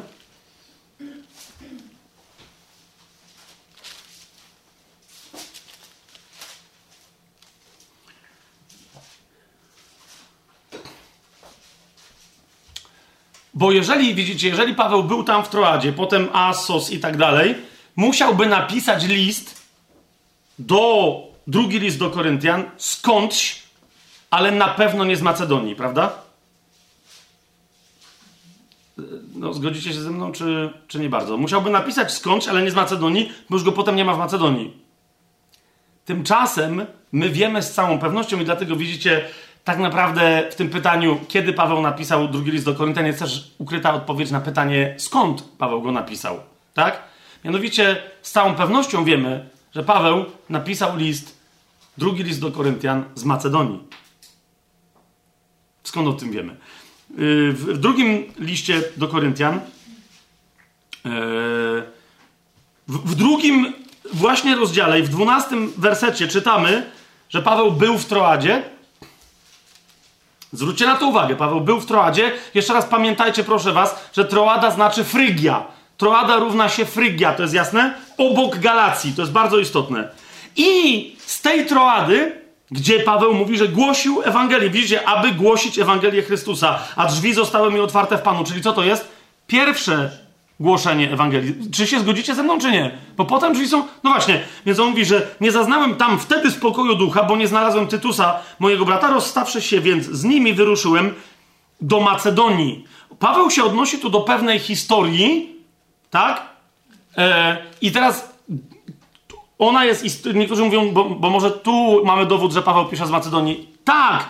To jest historia, w ramach której Paweł z Frygi przeniósł się do Macedonii. Ale dowód na to, tu nie ma tego dowodu według mnie stuprocentowego. Stuprocentowy dowód na to, że Paweł pisze teraz, w tym momencie, kiedy on pisze, że jest w Macedonii, znajduje się w dziewiątym rozdziale. Mianowicie tam Paweł yy, od wersetu drugiego mówi tak. Yy, kiedy mówi, yy, pisze do Koryntian, bo to jest ten jeden z najmocniejszych rozdziałów o pieniądzach w Biblii. I Paweł tutaj pisze do Koryntian o, o, o zbiórce na ubogie kościoły. I mówi im tak w drugim wersecie: Znam bowiem waszą gotowość, z powodu której wobec Macedończyków chlubię się wami. I teraz co jest istotne? Tutaj w języku greckim Paweł posługuje się określeniem, które w języku angielskim e, to byłby e, present e, continuous. Czyli, czyli ja to teraz, w tym momencie, właśnie w trak jestem w trakcie robienia tego, kiedy do was piszę. Nie? I am being proud in front of them. Jestem, chlubię się, jestem, właśnie demonstruję swoją chlubę wobec Macedończyków. To jest dokładnie to. E, znam bowiem waszą gotowość, z powodu której wobec Macedończyków chlubię się wami, że Achaja, no, czyli Korynt, jest gotowa od zeszłego roku i wasza gorliwość tutaj pobudziła wielu. I dodatkowo w czwartym wersecie, no bo mówi, że tak się chlubi, nie? Że mówi, żebyśmy, jeśli przypadkiem przybyliby ze mną Macedończycy, no, czyli tak, stąd skąd wyruszę, i zastali was nieprzygotowanymi, nie, żebyśmy nie byli zawstydzeni my, żeby nie powiedzieć wy za tak śmiałe przechwalanie się moje tutaj teraz. Rozumiecie o co mi chodzi? Więc jest całe trzy wersety, w ramach których Paweł parokrotnie podkreśla, że jest w Macedonii, mówi do Macedończyków, chwali się przed Macedończykami. Obczajacie w ogóle, co jest grane, tak? Bo to jest trochę tak, jakby kibic Krakowi przyszedł nas, wiecie, do, do chuliganów Wisły i zaczął się yy, przechwalać im, jak dobrze są yy, kibice Krakowi w zbieraniu pieniędzy i że oni też powinni jakby być tym zainspirowani. To wiecie o co mi chodzi? Z Paweł mówi, naprawdę to jest z mojej strony tu trochę hamstwo, no ale wiadomo, to jest kościół, to nie są kibice, to jest, yy, wiecie, nacjonalizmy pewne, te starożytne tam funkcjonowały. Aleksander był macedoński, nie achajski, Mimo, że każdy wie, no, Grek to Grek, tam Macedonia, Achaja, co wy tam macie za rozróżnienia, ale, ale mieli. Więc jak on w tej Macedonii przeciwko, nie przeciwko, ale żeby Achaje pobudzić ich tam wszystkim naraz, wszystkich naraz zainspirować, wiecie, do Bożego współzawodnictwa, to ale przez to my się też dowiadujemy, gdzie Paweł jest, do kogo mówi i jeżeli przyjdzie do Achai, to skąd? Jeszcze raz, skąd przyjdzie do Achai? Z Macedonii. Z Macedonii. To, że był w Troadzie, to, to jest historia z drugiego rozdziału. Jak zauważycie, co się tam dzieje, on się do niej odnosi z bardzo istotnego powodu. Tak? Z powodu mianowicie historii tego mężczyzny, o którym Paweł w piątym rozdziale pierwszego listu do Koryntian pisał, tego kazirodcy, z którym Koryntianie, pomimo nieobecności Pawła, sobie poradzili, może nawet zbyt surowo, i Paweł im tłumaczy, że okej, okay, przebaczcie mu, ja mu też przebaczyłem, bo nie są nam nieznane zasadzki, podstępy złego i powołuje się na pewną swoją sytuację z Troady, z której musiał zrezygnować, żeby szukać Tytusa e, właśnie w Macedonii. Ale to nie ma za wiele wspólnego, a jeżeli ma, to o tym za chwilę, nie? Natomiast my wiemy jedno, że Paweł jest w Macedonii i z Macedonii przychodzi do Koryntu yy, i taki jest jego plan opisany w drugim, w drugim liście do Koryntian. Czy, yy, czy widzicie, co się dzieje? I, a więc dwudziesty rozdział, powiedziałbym, ma troszeczkę, ma bardzo dużo, ma bardzo dużo yy, do powiedzenia w tym temacie, kiedy Paweł pisał list yy, drugi do Koryntian, ale to nie jest ta interpretacja, że po tym, jak już był, yy, że potem, jak już był w Troadzie. Skąd pisze Paweł z tej Macedonii? Jeszcze tylko dodam, no skoro pisze, że w Macedonii z Macedończykami i tak dalej, to, no to z Filipi. A jeżeli jest w Filipi, no to wiecie u kogo jest, tak? E, u tej pani, którą mu Duch Święty przedstawił jako chłopa z brodą, tak? E, jako Macedończyka. A to nie jest żaden chłop z brodą, to elegancka pani. Zresztą, e, wiecie, będąc czy to u Tesaloniczan, czy w Koryncie nawet, jak Paweł mówi, że go wspierają Macedończycy i że on nie potrzebował nic od nikogo i na przykład, że dla Koryntian nie był ciężarem, niektórzy się powołują, że no właśnie, widzisz, i wszyscy, żebyśmy też nie popadli w coś takiego, że skoro ktoś usługuje w kościele, to powinien mieć taką postawę, że nie należą mu się w ogóle żadne pieniądze i, i tak dalej, i tak dalej, powinien tak nauczać i tak... Dlaczego Paweł nie był obciążeniem dla Koryntian? No, bo był obciążeniem dla Filipian tak? Dla Macedończyków ogólnie, a dla, a dla Filipian w szczególności. Tak? Zatem yy, Paweł pisze z Macedonii, pisze najprawdopodobniej z Filipi, Swoją drogą zawsze w tych y, UBG na końcu podają skąd dany list jest napisany, bo to mają jakoś tam wykoncypowane. Co oni tutaj piszą?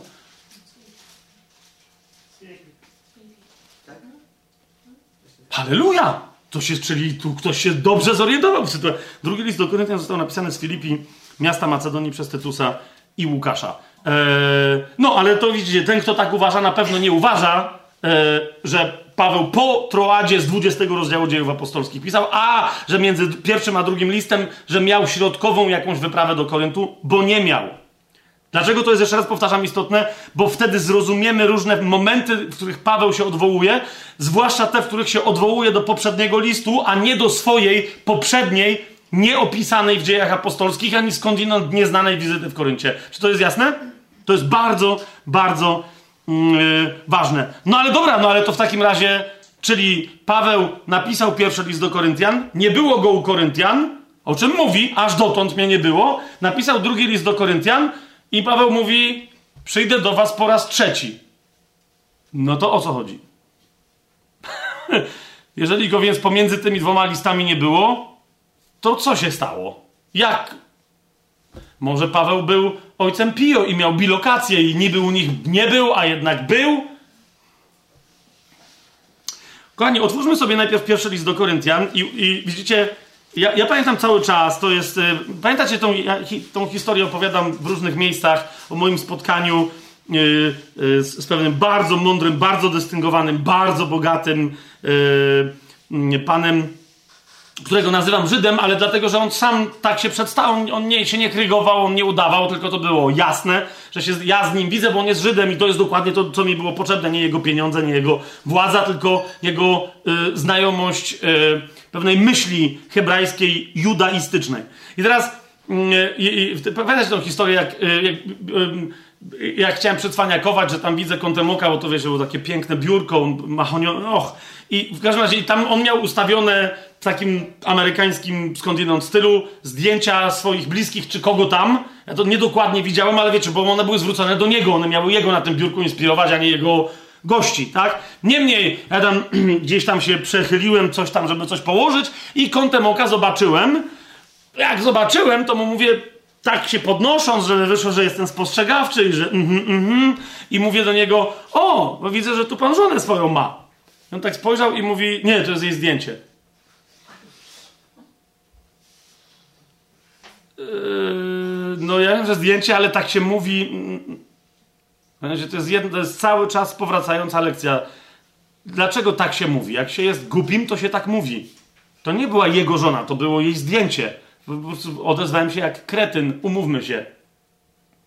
Mamy być bardzo precyzyjni, dlatego w naszej komunikacji codziennej, w kościele, wszędzie mamy być bardzo precyzyjni, co kto ma na myśli, a nie, że tak się mówi. Ale co się mówi? Co ty teraz mówisz? Co ty komunikujesz? Co? Więc, więc, mam do was jedno pytanie. Mam do was jedno pytanie.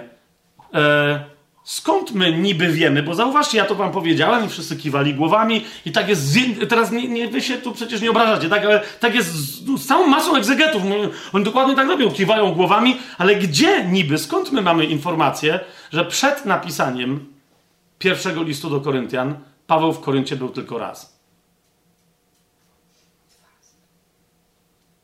Nie? Skąd my mamy? Dlaczego? No bo Paweł pisze w pierwszym do Koryntian w drugim rozdziale, ja bracia, gdy do was przyszedłem, nie przybyłem i tak dalej, postanowiłem, byłem i te... No świetnie, ale to co to, ale zaraz. Przecież tu nie ma napisane, ja bracia, gdy u was ostatnio byłem. Nie wiem, czy zauważyliście. To by znaczyło, że to odniósł się do ostatniej swojej, co, na, co nawiasem mówiąc, nadal by nie oznaczało, że wcześniej nie był, ale gdyby napisał, ja bracia, gdy u was po raz pierwszy i ostatni byłem, a no to byśmy mieli jasność. No to czyli w takim razie po pierwszym liście do Koryntian musiałby być drugi raz, ale, ale Paweł tak nie napisał. On się tylko odniósł do tego, że kiedy przybył, kiedy się pojawił, kiedy się. Z, rozumiecie, to, to chodzi o ewidentnie pierwsze przyjście Pawła. Teraz e, ewidentnie Paweł sugeruje, w drugim liście do Koryntian, że nie chciał do nich przychodzić drugi raz, jak za pierwszym razem w smutku, tak za drugim razem w nerwach. Tak czy siak, w nie najlepszym nastroju. Nie? Więc dlatego mówi, e, że nie chciałem do was przychodzić, ale, ale jaki? Który raz? trzeci nie chciałem do was przychodzić, trzeci dopiero przyjdę.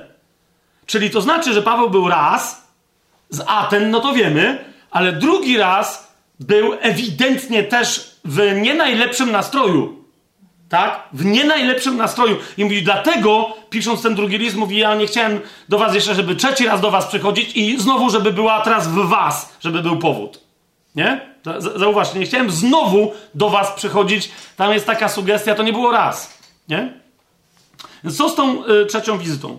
E, po pierwsze, Paweł w, w pierwszym do Koryntian nie mówi, ile razy był w Koryncie, a że się odnosi do swojego pierwszego przyjścia, to, no to wszystko gra, bo się do niego chciał odnieść, e, że od samego początku tam mu chodzi, e, a nie, że ostatnio jak był, ale że od samego początku, od pierwszego pojawienia się w Koryncie, głosi Chrystusa ukrzyżowanego. Tak? Po drugie, e, drugi raz, i to jest istotne, być może, takie, takie mam pytanie, być może, bo Paweł wydaje się być niezwykle, ale to niezwykle zaprzyjaźniony z Apollosem, a jak my już sobie dzisiaj to wyjaśniliśmy, e, te opowieści, że on się zaprzyjaźnił z Apollosem, Upryski i Akwili są niemożliwe, bo ich tam nie było jednocześnie w tym samym czasie, w tym domu. Jasne, niektórzy mówią, no ale ten był przyjacielem tego małżeństwa i ten też, i to dla. Ej, nie? Twoi przyjaciele są moimi przyjaciółmi. No, no, jest taka zasada w Biblii. Przestań. Co to jest? Y, są samuraje w Japonii? No daj spokój. Więc nie. E, ja osobiście, a, a my tymczasem, znowu nie ma tego wiele, ale widać, że Paweł bardzo szanuje Apollosa. Co więcej, że ma jakąś, jakiś osobisty afekt do niego. On go naprawdę, rozumiecie, on go naprawdę lubi, on go szanuje i chce, żeby inni też darzyli go takimi uczuciami. Bodaj e, w liście do mm, Tytusa, jak go sobie otworzymy, e,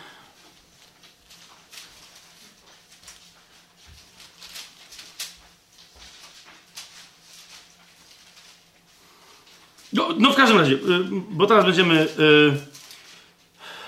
Bo się za. Jak, jakie mamy? Jaką mamy.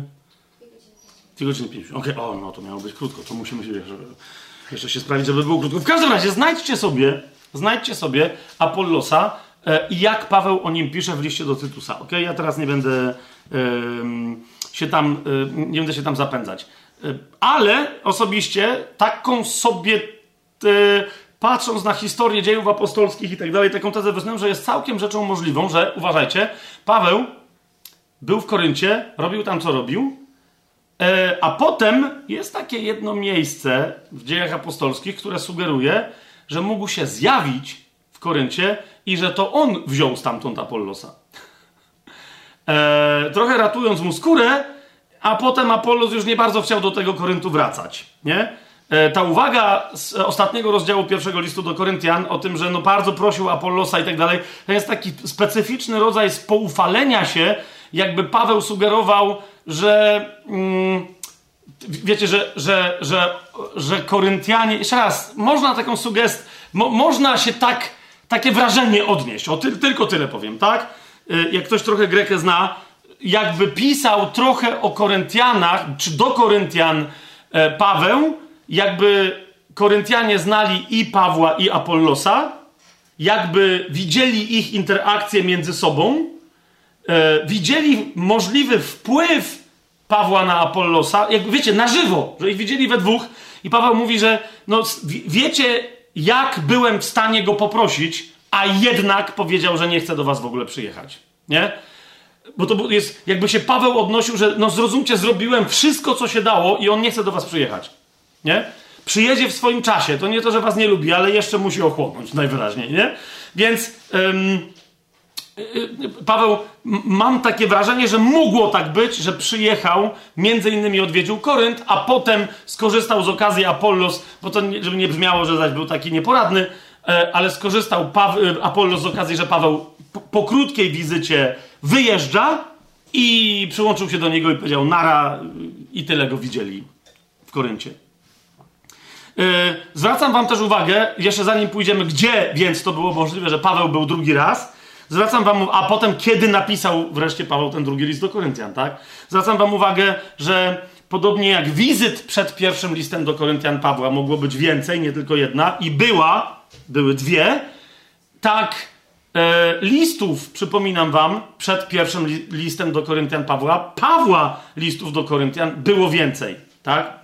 Przynajmniej jeden. Jak sobie otworzymy pierwszy list mm, do Koryntian, piąty rozdział, to tam czytamy w dziewiątym wersecie i dalej Paweł wyraźnie mówi: Napisałem wam w liście, to jest pierwszy list do Koryntian. Paweł mówi: Napisałem wam w liście, żebyście nie przestawali z rozpustnikami.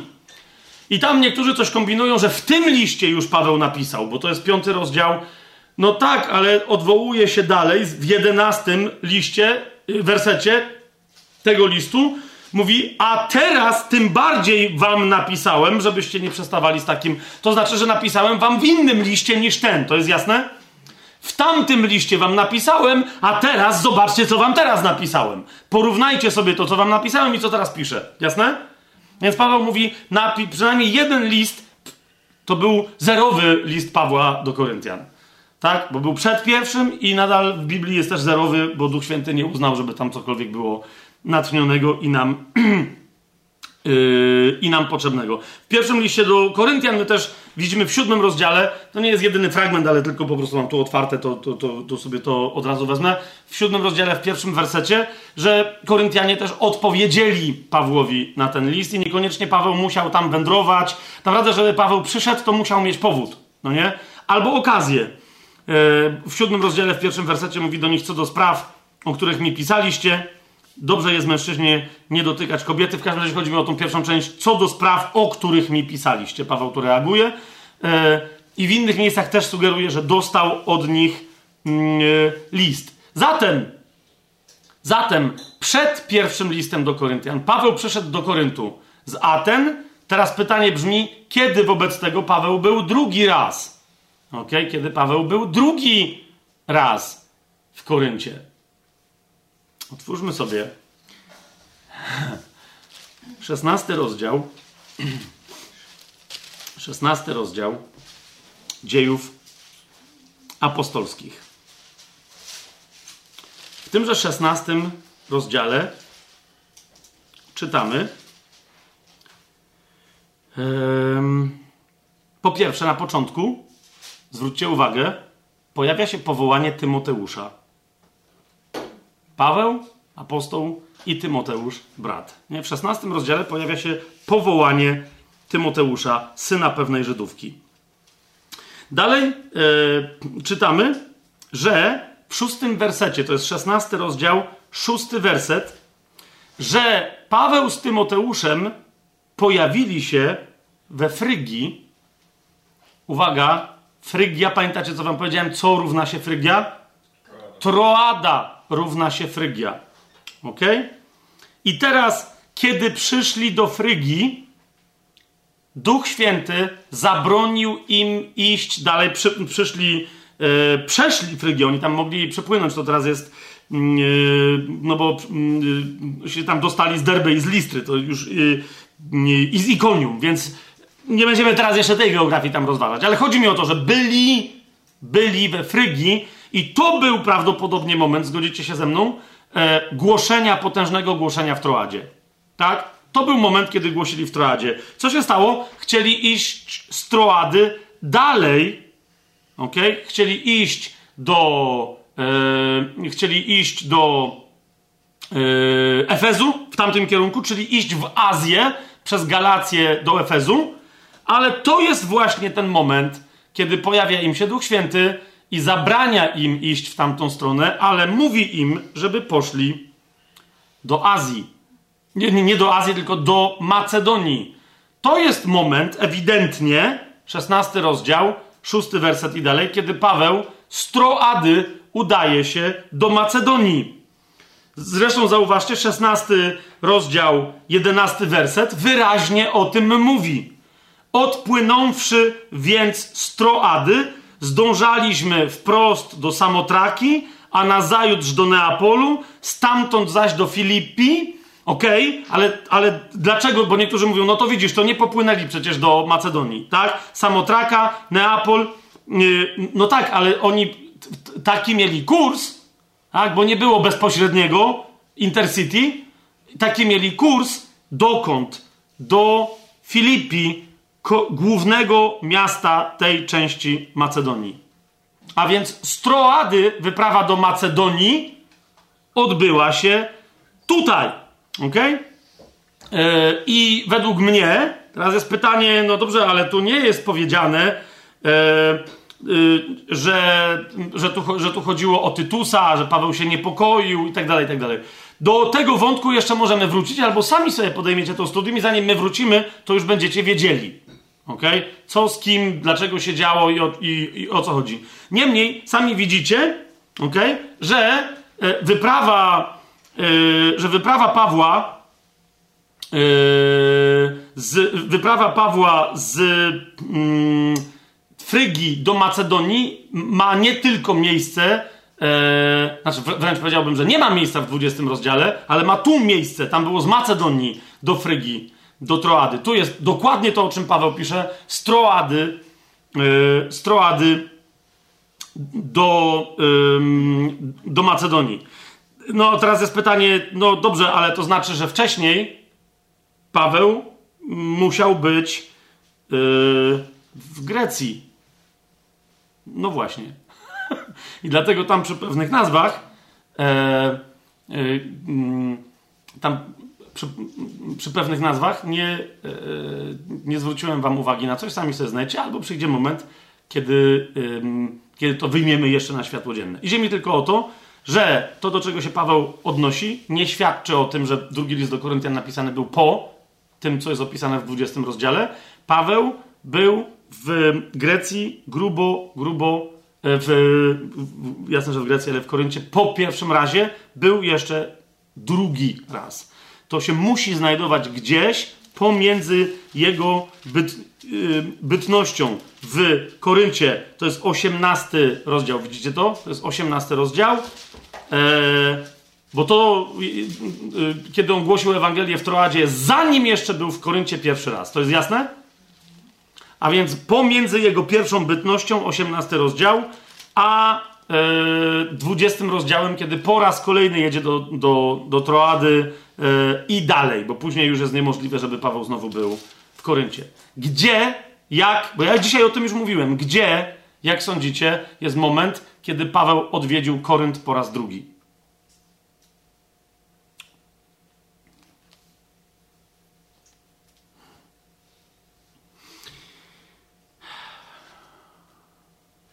Okej. Okay. Tego sobie tam sami poszukajcie. W każdym razie jest tam taka mała e, podróż, o której mówiłem, podróż mini jerozolimska. I zobaczcie sobie, jak tam wyglądają sprawy. Nie? Czyli jak tam Paweł podróżuje. I ktoś powie, no ale zaraz to y, nie ma. Bo, bo Paweł z Jerozolimy y, odszedł do Antiochii Okay? Po tym wszystkim, co dzisiaj powiedziałem, może wam się to w głowie połączy. Poszedł do Antiochii. Antiochia jest na północ od Jerozolimy. tak? Szedł w stronę y, Syrii, a potem jeszcze Azji. Odszedł. To jest 18 rozdział dziejów apostolskich, przepraszam, bo nie powiedziałem. Ym, 22 werset i 23. W 23 mieszkał tam przez pewien czas i wyruszył przemierzając krainę galacką i Frygię i umacniając wszystkich uczniów. Z Antiochii dostał się do Frygii, z Frygii dostał się do Galacji i szedł w stronę Efezu, o czym się potem mm, z 19 rozdziału dowiadujemy. Teraz moje pytanie brzmi, jak się dostać, bo zwróćcie uwagę na jedną rzecz, że Paweł z Antiochii do Antiochii szedł na nogach, ale potem dostał się do Frygii. To znaczy, to znaczy, że nie szedł przez Efes i Galację do Frygii, ale że z Antiochii dotarł jakoś do Troady. Nie? I teraz jest pytanie, jak tam się dociera? Bo całkiem możliwe, że Paweł wtedy płynął. Jest jeden, jedno z takich e, istotnych miejsc, że Paweł wtedy płynął. Smoku, tam obserwujesz mapę? Że Paweł wtedy płynął, bo tak było łatwiej, e, dokładnie przez Kenchry. Nie? Dokładnie przez, e, przez Kenchry. Ja teraz się nie będę wdawał w go, tam pływy, y, wiecie, nurty morskie i tak dalej, i tak dalej. Ale dokładnie, żeby dopłynąć do Troady wtedy, kolejny raz Paweł z Antiochii, e, o czym w ogóle dzieje apostolskie ze szczegółami nie wspominają, bo nie muszą, bo to nie jest istotne. Nigdzie indziej o drugiej wizycie w Koryncie e, Pawłowej, nigdzie indziej nikt nie wspomina. Nawet Paweł tylko mówi, że przyjdzie po raz trzeci. Zauważyliście, nie? E, niemniej, e, według mnie, to, tu to, to jest moment, kiedy Paweł był drugi raz w Koryncie. Nie jest to zbyt istotne. Jest istotne, czemu on tam wtedy nie był w dobrym humorze. To nie była wtedy wina. Z, jeszcze raz, to nie była wina Koryntian. Za trzecim razem by była, i dlatego Paweł w takim nastroju nie chciał, nie chciał się w Koryncie pojawiać. Jasność? Czy, czy zamieszałem drastycznie i teraz wszyscy będą musieli odpalić Google Maps i dopiero wszystko sprawdzić po, po kolei? Teraz czemu, czemu ja, teraz rozumiecie, e, jeden czy drugi człowiek rozmawiam z nimi on mówi, stary, ale to nie mów tego na tajemnym planie, to nikogo nie będzie interesować, to jest bez sensu. Widzisz, tylko jeszcze raz, e, my dzięki temu, że wiemy, że drugi list do Koryntian jest pisany z Macedonii, tak? Kiedy jest pisany? Aha, bo jeszcze tego nie powiedziałem, no przecież. Tak więc kiedy Paweł pisze ten list z tej Macedonii? No, że tak powiem, z 20 rozdziału dziejów apostolskich.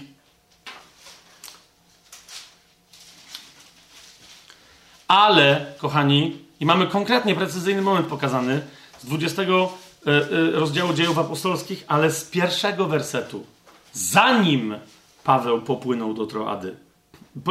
No, udał się do Troady, bo co, jak on to zrobił, to jest, to jest drugorzędna kwestia. Otóż po rozruchach Paweł przywołał uczniów, pożegnał się z nimi i wyruszył dokąd? Do Macedonii. Z tejże Macedonii, po rozruchach w Efezie, według mnie, Paweł pisze w tym momencie, Paweł pisze, że teraz już przyjdzie trzeci raz i czytamy w drugim wersecie, przeszedł tamte okolice, udzielając wielu napomnień, a potem przybył do Grecji. Czy to jest jasne, co się tutaj dzieje? A potem przybył do Grecji. I ten plan, który Paweł, Paweł miał, żeby następnie e, Koryntianie wyprawili go do Jerozolimy, zauważcie, że dokładnie w tym momencie Paweł realizuje. Nie wiem, czy to widzicie. Tak? Kiedy się bo on potem wraca, już się nie, nie, nie, nie może wrócić do Efezu, ale przyzywa y, z tych Efezu starszych y, do Miletu. Y, mówi im wyraźnie, to jest 20 rozdział, 20, 23 werset, 22 werset, a teraz związany w duchu idę do Jerozolimy, nie wiedząc, co mnie tam spotka. Widzicie, o co mi chodzi? Paweł wtedy dopiero, i to jest dokładnie to, to musi być, czyli on musiał być po raz trzeci, czyli po e, napisaniu drugiego listu do Koryntian, musiał być w Koryncie. Kiedy? Drugi werset 20 rozdziału. Potem przybył do Grecji. Czy to jest teraz e, jakoś widoczne? Więc nie później, ale wcześniej. To nam pozwala to precyzyjne e, mm, umiejscowienie w czasie i przestrzeni, skąd do kogo, jak, dlaczego Paweł pewne rzeczy pisze, to nam pozwoli zinterpretować, mm, czy inaczej, e, przyjąć pewne klucze interpretacyjne do zrozumienia, do właściwego zrozumienia i też do ucieszenia się treścią drugiego mm, listu do Koryntian Pawła Apostoła. Ok? Zanim. I to, I to jest na dzisiaj tyle. Teraz pozwólcie, że jeszcze jakieś półtorej godzinki poczytam Uczmanani. Jeszcze jedna rzecz. Bo zanim pójdziemy dalej, bo teraz wiecie, to będzie tak. Na następnym spotkaniu, po co Paweł pisze ten list? Tak? W tej konkretnej sytuacji, po tych prześladowaniach i tak dalej, po co Paweł pisze ten list? Rzeczywiście on się tam odnosi do fałszywych apostołów. Jest bardzo się tak yy, obnaża totalnie przed Koryntianami. Nie? Yy, mówi o rzeczach, o których świadczy, że od kilkunastu lat jeszcze nikomu nie powiedział i im je zdradza. I to jest sensacja. Pytanie brzmi, po co w ogóle Duchowi Świętemu tego rodzaju wyznanie? Co on się nagle spodobało mu się, że Paweł tak bredzie i mówi, a namaścimy to, niech będzie natchnione, niech będzie mm, w Biblii?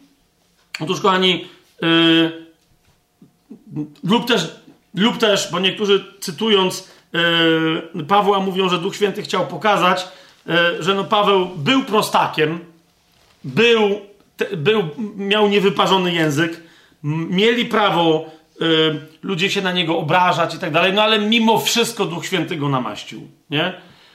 Faktem jest, że w ramach tego swojego uzewnętrzniania pewnych swoich przeżyć, Paweł rzeczywiście mówi, że jest prostakiem w mowie, E, no tylko to jest jeden z tych elementów przyznania, że on wie, co się dzieje, a inni nie wiedzą, bo jeżeli ktoś mu zarzuca, że pewne rzeczy mówi zbyt wprost, zbyt codziennym językiem, to nie znaczy, to nie jest oznaka tego, że on nie ma głębokiego poznania, tylko chce być jak najlepiej zrozumiany. To jest drugi list do Koryntian, e, jedenasty e, rozdział, piąty werset i dalej. Paweł mówi: Uważam, że w niczym nie ustępowałem tym wielkim apostołom, których się pokazuje jako wielkich. I dalej czytamy, bo chociaż jestem prostakiem w mowie, to jednak nie w poznaniu. No i tak dalej, nie? I on mówi, to tylko ktoś głupi może mi zarzucić, że się posługuje kolokwializmami i tak dalej, bo rzeczywiście u Pawła to słychać często, nie? Ale ja to robię tylko po to, żeby, żeby wam było łatwiej zrozumieć, a nie dlatego, że to jest płycizna mojego poznania, zwłaszcza, że ja wam w prosty sposób przedstawiam rzeczy, które są nadal przez wielu z was w ogóle niezrozumiane. Więc ogarnijcie się. Otóż, kochani, zanim pójdziemy dalej, powiem sobie, po co Paweł, dlaczego on się tak uzewnętrznia, czemu ten list tak naprawdę nie jest wcale chaotyczny, ale pokażemy jego wewnętrzną strukturę, bo według mnie to jest taki, nie wiem jak to nazwać, to nie jest za bardzo jakaś makatka niesamowita, bo tam jest, yy, to jest warkocz. Ok, to jest warkocz, to jest warkocz. Po prostu. Wyobraźcie sobie. A dzisiaj w takich czasach żyjemy, że to kobiety sobie mogą wyobrazić, ale panowie, nie, kobiety nie chcą wyobrażą warkocz, gdzie tam sobie wyobrażą, a chłopy nie chcą wyobrażą warkocz wikinga na brodzie. Nie? I ten warkocz się, no wiecie, no składa, z ilu tam się może składać? Z trzech, pięciu? Ja się nie znam, ale tam tych, tych, jak się nazywają te poszczególne rzeczy na... Pasma, okej, okay, chciałem nazwać witki, ale to nie są witki. Okej, okay, no więc tych pasemek tam jest ileś i ty to tam potem zaplatasz no, no, trudno, żeby ktoś powiedział, że warkocz to jest wyraz chaosu. Rozumiecie, o co mi chodzi? To, to jest, tam jest konkretny porządek. A to, że tam są, wiecie, załóżmy, że każdy, yy, każdy z tych pasemek jest właśnie za, zabarwione yy, na inny kolor. No to wtedy powstaje ci tam pewna mozaika, ale ty widzisz logikę tej mozaiki, tak? Natomiast jak ktoś, kogoś interesuje tylko jedno to pasemko, i mówi, no nie, no dajcie spokój, mnie interesuje tylko to białe teologiczne pasemko, a go nie widzę, bo mnie się tu jakieś czerwone przeplato i jakieś brązowe, jakieś czarne. Wiecie o co mi chodzi? No to to jest prostackie, tak? Bo to, że całego pasemka białego nie widzisz, ale widzisz, że to nie jest posklejane z małych kawałków, tylko widzisz, że to jest pasemko, tak? Więc drugi list do Koryntian to jest dokładnie taki warkocz paru tematów, przez które Paweł, których dotyka, przy okazji jest tam kokarda też, naprawdę jest kokarda, na ten, chyba że, nie wiem, wikingowie nie mieli kokard, nie? Co nie mieli? Coś tam mieli, jakiś pewnie jakiś metal z jakimś żelazem albo kości. Coś tam mieli jakiegoś ozdobnego, ala wikingska kokarda. Więc jest tam też kokarda, ale teraz chodzi mi o to, że to naprawdę to jest tylko rzeczywiście bardzo duże, to jest objawienie dosłownie psychologii, wylanie duszy Pawła obnażenie jej przez Ducha Świętego. Teraz, mm, jeżeli jest e, katedrą logiki teologicznej, list do Rzymian, jeżeli jest arcydziełem, jeżeli jest arcydziełem teologii eklezjalnej, pierwszy list do Koryntian, to drugi list do Koryntian, kochani, jest majstersztykiem objawienia osobowości sługi Bożego. Ok? To jest majstersztyk. Teraz tylko musimy sobie i dlatego poczytamy sobie trochę Watchmana nie teraz. Bardzo się cieszę z tego powodu. Zawsze to lubię, kiedy mam Watchmana to zacytowanie. To jest fantastyczne! Po prostu. Fantastyczne. I nie mówcie mi, że się przez Watchmana... To jest fantastyczna lektura. A to, że niektórzy lubią czytać szybko, a Watchmana się nie da czytać szybko, no to co zrobić? Trzeba go czytać wolno. Albo czytaj szybko dwa zdania i potem przejdź do szybkiego czytania następnych dwóch, jak już te ci siądą. Otóż, bo niektórzy powiadają, no ale po co po co, no po co, co jest takiego ciekawego w tym, że ktoś miał jakąś duszę? Przecież to jest bez sensu. Jest kompletnie bez sensu. I tu, kochani, zamykam Biblię. Nie, żeby teraz Watchman był ważniejszy, tylko myślę, że Watchman znacznie lepiej niż wszystko, cokolwiek ja wam powiem na ten temat, dotknął kwestii, o którą de facto Duchowi Świętemu chodzi w drugim liście do Koryntian. Więc jeszcze raz powtarzam, zanim pójdziemy tam dalej, dlaczego, jakie były motywacje Pawła, jakie są te wątki, które on tam ze sobą przeplata, pamiętajcie cały czas tłem drugiego listu do Koryntian, podstawą, fundamentem, ramą, fakturą całego tego listu, we wszystkim cokolwiek, nawet, bo wiecie, teologia Pawła w pewnych przebłyskach, gdzie nagle z Pawła, wiecie, duch porusza mu emocje, intelekt, wiedzę, yy, objawienie, którym do tej pory się nie dzielił. I naprawdę są momenty w, yy, składające się z dwóch, trzech zdań w drugim liście do Koryntian, gdzie po prostu trzeba się zatrzymać i powiedzieć, no halleluja. Nie, nie mielibyśmy połowy rozumienia pewnych rzeczy w Biblii, w dziele, dokończonym dziele Chrystusa bez drugiego listu do Koryntian, żeby to było jasne. Mielibyśmy, ale nie mielibyśmy tej głębi, którą dopiero drugi list do Koryntian nadaje. Tak? Piąty rozdział, dziesiąty rozdział drugiego listu do Koryntian. w kwestiach typu właśnie przepływ pieniądza w królestwie, przepływ dóbr materialnych w kościele. Ósmy, dziewiąty, dziesiąty. Szaleństwo, co się tam wyprawia. W sensie jasnej, konkretnej, nie tylko teologicznej, ale praktycznej i wiedzy, i zastosowania tej wiedzy w kościele, którego następ, które następnie jest wykrzywiane, bo każdy właśnie robi z tym, co chce. Niemniej, jeszcze raz powtarzam, w tym, w całym tym bogactwie porządek zobaczysz tylko, kiedy będziesz patrzeć przez pryzmat przede wszystkim Duch Święty, całe to błogosławieństwo przekazuje mi, mi przez kogo? Przez tego, takiego, a nie innego Pawła przez taką, a nie inną osobowość. Dlaczego to jest ważne? Otóż, będę teraz cytował znamienitą książkę yy, Watchmana Ni, oczywiście polskie yy, wydanie. Yy, nazywa się Posługa Bożego, yy, po polsku to się nazywa Posługa Bożego Słowa. Yy, ta książka yy, to jest wydanie z 2006 roku. Mówię to dlatego, że nie wiem, bo może były jakieś inne. Wydanie pierwsze, marzec 2006, może były inne. W każdym razie w tym wydaniu będę teraz cytować najpierw ze strony 39, potem z jeszcze, yy, potem z jeszcze jednej.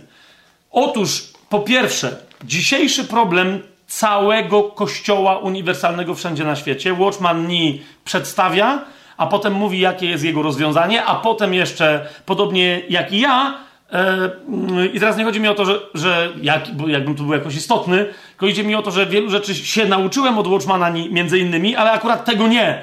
Tym bardziej było mi przyjemnie znaleźć dokładnie takie same wnioski później u Watchmana na temat Pawła, ok? Ale 39 stronę cytam, otóż Watchman mówi, na czym polega dzisiaj problem w Kościele? I pisze tak.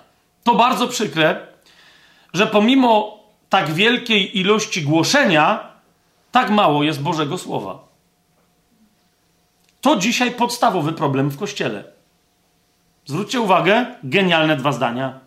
Jest bardzo dużo głoszenia. Dziś w kościele ludzi głoszących na bazie Biblii, cytujących Biblię i tak dalej, rozumiecie, są setki tysięcy, żeby nie, że pewnie miliony.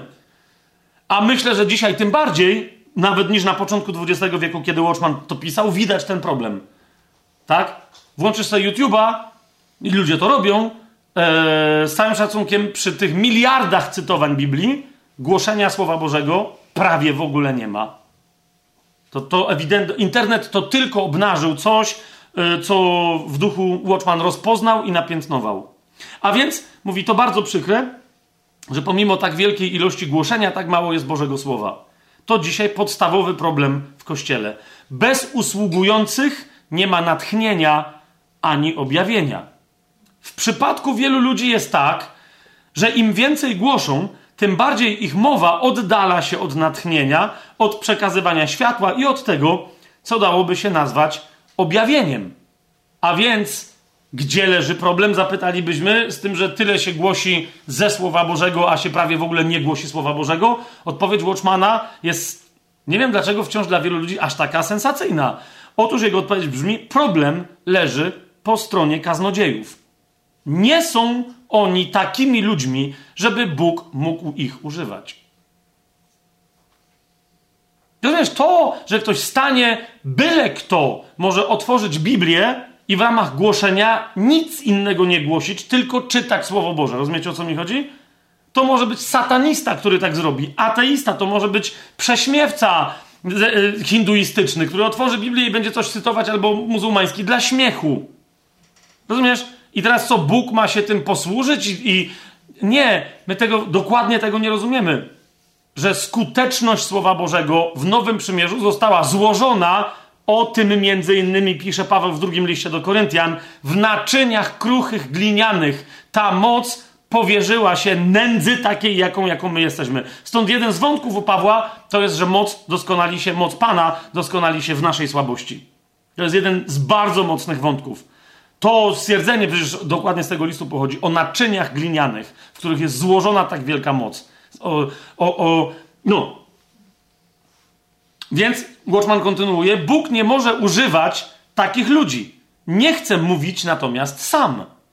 To jest geniusz Nowego Przymierza. To jest geniusz zamieszkującego w nas ducha, usługującego przez nas Ducha Świętego.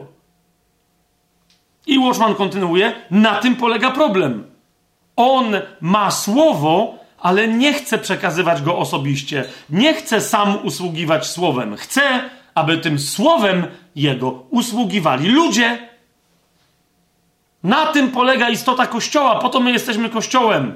Po to Kościół istnieje na ziemi, żeby co? Jako oblubienica Jezusa kontynuować Jego dzieło. Kiedy On był na ziemi, zauważcie, powiedział uczniom uzdrawiajcie, uwalniajcie, ale nie powiedział głoście. Pamiętacie? Jak odchodził, powiedział otrzymacie Ducha Świętego i wtedy wy będziecie głosić. To jest dokładnie wasze zadanie.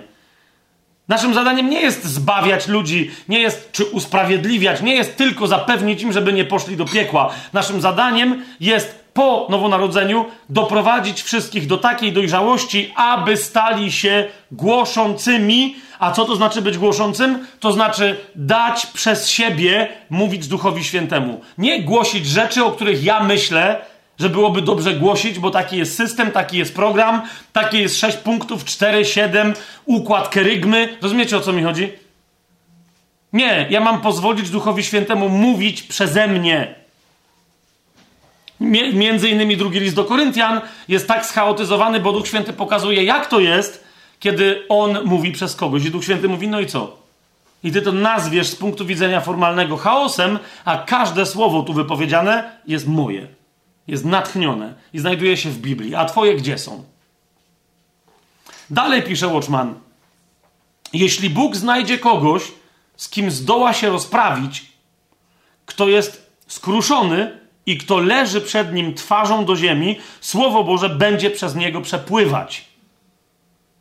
My ciągle, rozumiecie, to zdanie, ja nie wiem, jakbym sobie miał coś wytatuować, nie mam żadnych tatuaży, nie zamierzam mieć, ale jak to mówią, nigdy nie mów nigdy, no nie? Ale jakbym sobie miał coś wytatuować, to zamiast, wiecie, krokodyli, motyli, tam jakichś innych świętych symbolów, symboli, czegoś jeszcze, wytatuowałbym sobie to, te dwa zdania, które teraz wam przeczytam. I tak, nie, nie tatuowałbym z Biblii. Biblię mam znać na pamięć, to bym sobie wytatuował. Te dwa zdania. O, brzmią one. My, i to jest Watchman my ciągle wypatrujemy Słowa Bożego. Podczas gdy Bóg ustawicznie wypatruje ludzi, którymi mógłby się posłużyć. I drugie zdanie. My czekamy na Słowo Boże, gdy tymczasem Bóg czeka na usługujących. Widzicie, problem z głoszeniem Słowa Bożego nie polega na tym, że ktoś skończy seminarium i, i, nie chodzi mi teraz o seminarium teologiczne, katolickie, że i wyjdzie księdzem. Chodzi mi o seminarium pastorskie. Wyjdzie po profesjonalnej, zdawałoby się, a, a czasem często nie zdawałoby się, tylko naprawdę profesjonalnej teologii biblijnej, wszelkiego rodzaju, pastoralnej, eklezjalnej. No i co z tego? To jest nieistotne, co on wie, na temat Biblii, jak on wie, że należy głosić słowo i tak dalej. W tym wszystkim jest istotne co? Kim on jest? Kim ona jest? Czy przez nią przechodzi Słowo Boże? Czy przez nią przechodzi namaszczenie ducha i to namaszczenie dotyka innych? I dalej Watchman kontynuuje, to jest cały czas ta 39 strona. Y, Watchman kontynuuje, Ducha Świętego nie przekazujemy za pośrednictwem samego Słowa naszego mówionego. On mówi tak: kiedy dochodzi do nas Słowo Boże, musimy być wolni, o, my najpierw, od wszelkich przeszkód. W momencie, kiedy otwierasz Biblię i czytasz, rozumiesz? To słowo dociera do ciebie. Mówi, my musimy być wolni od wszelkich przeszkód. Musimy, co to znaczy? Musimy być skruszeni i nosić piętno krzyża. Ja już nawet nie będę teraz tego rozważać, były inne momenty. Na początku pierwszego listu do Koryntian, pamiętacie, myśmy rozważali, co to znaczy, swoją drogą też cytując wtedy Watchmana, co to znaczy nosić piętno krzyża. Nasz duch musi być duchem rozbity. To znaczy, że Duch Święty, rozumiesz, Duch Święty ma przyjść i ma dalej tylko takich ludzi Bóg może użyć i tylko przez takich ludzi popłynie Duch Święty. Ja teraz cytuję posługę Bożego Słowa, ale jest rzeczą jasną, aż się prosi, żeby przywołać inną książkę e, Watchmana Nee, która się nazywa Skruszenie zewnętrznego człowieka i uwolnienie ducha. To, o czym tu on mówi pokrótce, tam jest cała książka, nie jakaś bardzo duża, no ale dosadna na temat tego, jak przez człowieka ma popłynąć duch. To się może dokonać tylko przez skruszenie zewnętrznego człowieka, przez właśnie dotknięcie tego, co w nas duszewne i poddanie duszewności pod duchowość, tak? Która jest zgodna z Duchem Świętym we mnie. Jasne to jest? Widzisz, teraz chodzi mi o co? Taka du duszewność, która została skruszona, swoją drogą drugi list do Koryntian dokładnie, tam Paweł cały czas mówi, jak bardzo jest wolny przez to, że jego człowiek zewnętrzny jest skruszony. I dlatego płynie przez niego duch.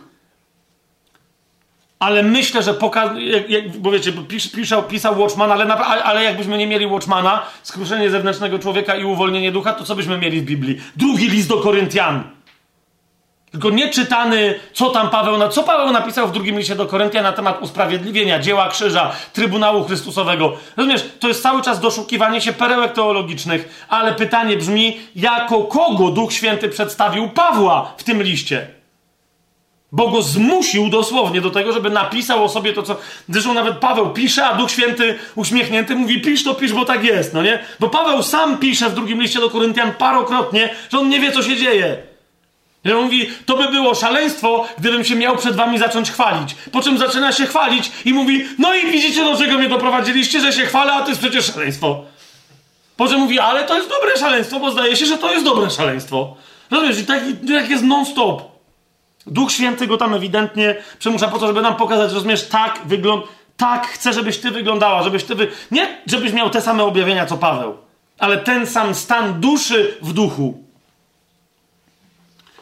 Y, I cytuję dalej Watchmana: Jeżeli Duch Święty jest w nas zam zamknięty, przeszkodą i zaporą jest nasz zewnętrzny człowiek, nasze uczucia i nasze nastroje. Kiedy takie rzeczy są w nas obecne, z pewnością Słowo Boże nie może przez nas przepływać. Nawet jeśli wygłosimy wspaniałe kazanie, w rzeczywistości będą to tylko słowa, nauki i doktryny, nie będzie tam natomiast Bożego Słowa. czy to jest. Tak, bo ja nie chcę, dlatego czytam tego Watchmana i po prostu aż się tu gotuję, żeby jeszcze go dokumentowywać, ale myślę, że to jest dosyć jasno sformułowane. teraz drugi list do Koryntian to jest demonstracja takiego człowieka. Czym się różni duchowy apostoł Paweł od duszewnych, głoszących może i piękne rzeczy, ale nie przekazujących życia w duchu innych fałszywych apostołów. Tak? I teraz yy, na sam zupełnie koniec, ze strony 63, zacytuję.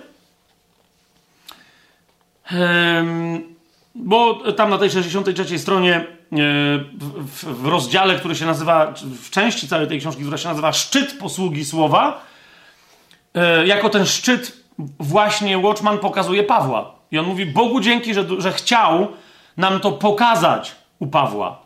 I, i w ten sposób ym, to komentuje.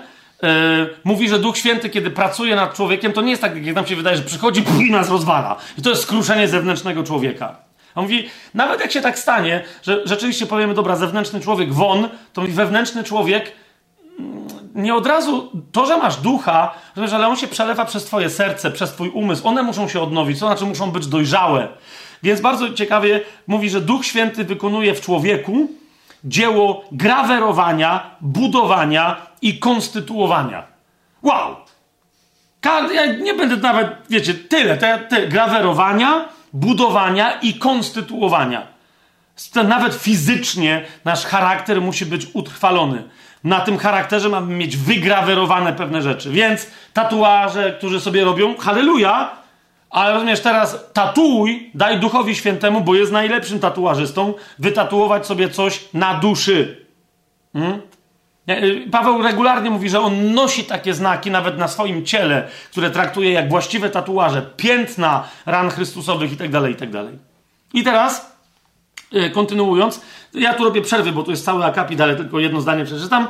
Watchman mówi, że właśnie w ten sposób, grawerując, budując, konstytuując, Bóg przebudowuje charakter człowieka dzięki dziełu wykona- wykonywanemu przez Ducha Świętego w nim. O co więc idzie? O przebudowanie charakteru człowieka. Tak? On jakoś musi. I to rozumiesz? I teraz, jak niektórzy mają te wyobrażenia, yy, no, że wiesz, jak ma wyglądać taki człowiek, to zazwyczaj po kościołach tworzy się wredną, niebiblijną, niezgodną z yy, obrazem Bożym pseudohagiografię. Czyli wiecie, opisy żywotów świętych nie? I pokazywanie ludzi, nawet takich, którzy naprawdę mieli przemieniony charakter i powinni być wzorami, to co się dzieje? Wiecie, tak, tak jak w kościele, w, w kościołach protestanckich ogólnie i tak dalej się nie robi obrazków, nie? Ale jakby słownie maluje się portrety wzorów, tak jak w kościele katolickim się maluje dosłownie portrety świętych, tak zwanych, tak? Czyli wiecie, co się dzieje. Jakieś takie coś, wyciągnięta twarz, nie? Złożone rączki, oczy zapatrzone, gdzieś nie wiadomo w co, nie? Lub też ręce związane z tyłu, oczy przewiązane, jeżozwierz, tak? Święty, który to był? Sebastian, pozabijany cały, tak? Ta jedna święta, co nie pamiętam jak ona się nazywa, zawsze demonstrowana, że ona stoi, nie wiadomo na co patrzy, bo yy, oczy ma wydubane je trzyma na tacy, sama sobie, tak? No bo tak zginę. Czyli rozumiecie, demonstracja czego? Albo ludzi, którzy są jacyś tacy nabożni, ale że my wiemy, że na pewno oni tam poszczą całe życie. Ostatni raz jak jedli, to ssali mleko z piersi matki, z wyjątkiem piątków, bo wtedy jest post. No wiesz o co mi chodzi. No? I teraz się tylko modlą, poszczą, oni nic, nic... Yy, nie jedna z drugą współczesne święte w kościele rzymskokatolickim, tam wiesz, ona nic nie jadła przez całe życie, tylko karmiła się cudownie przynoszoną przez anioły Eucharystią. No wiecie o co mi chodzi? Te wszystkie jakieś dziwaczne historie. Całe życie leżała w łóżku, sparaliżowana, lała się z niej krew. Temu, wiesz, ten miał rany, jakie... No rozumiecie, nie? To jest święty, który przeżywa jakieś szalone, niewyobrażalnie ciężkie cierpienia, katorgi, no i w tym się modli i mimo wszystko jakoś zachowuje spokój ducha, to jest jeden. Albo ktoś drugi no żył jak żył, ale chociaż umarł jak męczennik. To jest, to jest coś takiego, nie? I teraz chodzi mi o to, że my, no jasne, że nie robimy takich, bo y, w protestantyzmie nie ma żadnych tam, prawie żadnych y, rodzajów zakonnic, czy księży, czy jakichś tego typu rzeczy, ale jak już kogoś dajemy za wzór, no to wiecie, co się wtedy dzieje. To jest dokładnie ten wzór, nie? Tylko, że ponieważ w protestantyzmie, biblijnym chrześcijaństwie akcent mocniej stawia się na mm, pracę, to wtedy kto jest. No, ja ostatnio co zrobiłem, tak? Czytałem o Johnie Wesleyu. No i to właśnie to jest dokładnie to. Jakby, wiecie, Chciałem podkreślić, ale ja wiem, co się potem stało. Potem nikt nie pamięta, jak się nazywało to kazanie, którego wcale Wesley nie wygłosił konkretnemu człowiekowi, tylko było nag na, na, nagrane, yy, wydrukowane i ktoś je przeczytał i Duch Święty działał przez to kazanie. To nie, ale wszyscy pamiętali, ile razy okrążył na koniu yy, i że na koniu to się ciężko jeździ, a więc jak, ile kazań, ile kazań, nie czy one, wiecie, miały oddziaływanie, ale ile, jak ciężko Wesley się napracował. Więc to jest połączenie, rozumiesz, tego Sebastiana ze szczałami. Cierpiał całe życie i na końcu umarł. I jest więc John Wesley. Zresztą wiecie, y, nie ma obrazków, do których by się protestanci modlili, no ale są te ryciny i tak dalej, które demonstrują wielkich mężów bożych. No jest rzadka jakąś mężynę e, bożą. Głoszą zazwyczaj co? No to nie może być, że, że chłop grał w badmintona. Wiecie o co chodzi, nie? Albo nie wiem, bawił się z psem i... bo żeby sprawić radość swoim synom. Co jest z tym złego? No daj spokój, to przecież wiadomo, że on musi stać i głosić całe audytorium Wiecie, i tam w zależności od tego, czy to jest barok, rokoko, czy inny renesans, nie renesans, no nie, ale romantyzm, i tam ludzie albo omdlewają, dostają, a ten głosi, rozumiecie, widać jak mu tu pot, prawie że widać, bo to rycina spływa mu z czoła i on, i tam wiadomo, że to jest tytan. Czy, czy łapiecie, co ja gadam? Ale nadal, naprawdę, no właśnie ta, ta książka, na którą się ostatnio powoływałem, ta pierwsza z, z serii, generałowie Boży pokazuje, że no, byli tacy, którzy publicznie tak wyglądali. No a potem skończyli, jak skończyli. Biblia mówi, patrzcie, na koniec ich życia. I potem ty wiesz, czy to był generał Boży, czy to był przywódca, czy to był wzór do naśladowania, czy nie. Bo co mi z tego, że ten gość wyglądał jak John Wesley, jak głosił kazanie i że się ich nagłosił też z półtora tysiąca i że jak się modlił za chorych, to byli uzdrawiani. No co mi z tego, skoro chłop wrócił do hotelu, już pomijam temat żony i czegoś innego i przy włączonym jakimś dziadowskim kanale zapił się na śmierć. Zresztą, co mnie to obchodzi? Co mnie to obchodzi, że chłop tam coś głosił i, i, i czemu mnie to nie dziwi, że po e, całej tej usłudze nie zostało nic? Nie zostało absolutnie nic. Wszyscy mówią, ale były tysiące ludzi. No tak, tylko że tysiące ludzi zazwyczaj, którzy przyszli, chrześcijan, którzy się pozlatywali ze zborów, w których było nudno. Dzisiaj jest tak samo. Chociaż prawdziwy ewangelista głosi i nawracają się ludzie z ulicy. Tak? Jak kończy swoje życie, wszyscy wiedzą, że Pan przez niego działał, bo po owocach go poznają, mogą pokazać te owoce. Jeżeli czyimś owocem jest tylko to, że fantastycznie głosił, Rozumiecie? Między innymi o tym pisze Paweł w drugim liście do Koryntian. Cały czas mówi, wy jest, mówi, ja? Że ja fantastycznie głosiłem, to ja jestem prostakiem w mowie i to mi dokładnie zarzucają. Super! Tylko, że oni głoszą fantastycznie i pytam się, gdzie są ich listy na sercach napisane ludzkich? A wy jesteście moim listem. Co o tym nie wiecie? Nie pamiętacie o tym? Więc mówi, jak ja stanę przed Panem, to mu nie powiem, Panie, czy nie głosiłem w Twoje imię wspaniałych kazeń? Panie, czy w Twoje imię nie uzdrawiałem? Zauważcie, Paweł nigdy się na to nie powołuje. Mówi, ale ludzie, którzy przylgnęli do Chrystusa, dojrzeli do tego, żeby innych rodzić do Chrystusa. To jest list, który pokaże, nawet nie ja, Chrystus mi go pokaże. Ja wiem, co się stanie. A wiecie, co, co, co jest grane? Więc to Bóg przebudowuje charakter człowieka dzięki dziełu wykonywanemu przez Ducha Świętego. I w momencie, kiedy to się dzieje, przez takiego człowieka, cokolwiek by on nie robił, działa duch, ludzie się nawracają, dojrzewają w wierze, postanawiają coś. Wiecie, po prostu działa duch. Przychodzi to wszystko, co jest życiem, które płynie. I na tej 63 stronie o tej pracy Ducha Świętego Watchman mówi, rezultatem tej pracy jest nie tylko u innych ludzi, ale mówi, jest zmiana naszego charakteru. Jeżeli zmienia się Twój charakter, to wiesz, że Duch Święty w Tobie pracuje i wtedy tym im bardziej On pracuje, tym bardziej Twoje życie. Nie musisz być kaznodzieją, który głosi do nie wiadomo, do milionów e, przez telewizję. Tak, ale Twoje życie zaczyna innych dotykać. Po tym wiesz, że zmienia się Twój charakter. Nie po tym, że ktoś Ci powie, mmm. Ostatnio miałem taką rozmowę, dwie osoby do mnie przyszły zupełnie, które mnie nie widziały przez parę lat, a tylko mnie obserwowały na YouTubie, jedna chyba nawet nie za bardzo. I dosłownie w ramach jednego spotkania dwie osoby do mnie przyszły i jedna mówi Fabian, kiedyś to byłeś taki kozak. Nie pamiętam tego, no ale okej, okay, kiedyś to byłeś taki kozak, taki wiesz, nie? Strasznie złagodniałeś. I to było oskarżające. Trochę. To było trochę takie, żałuję ten stary Fabian był w moich oczach, oczywiście, nie? Ten ktoś powiedział, ten, ten stary Fabian był fajniejszy, nie? Teraz jakiś taki, taki jesteś miękki, taki łagodny, taki, o mój Boże, nie? Myślę, co zrobić?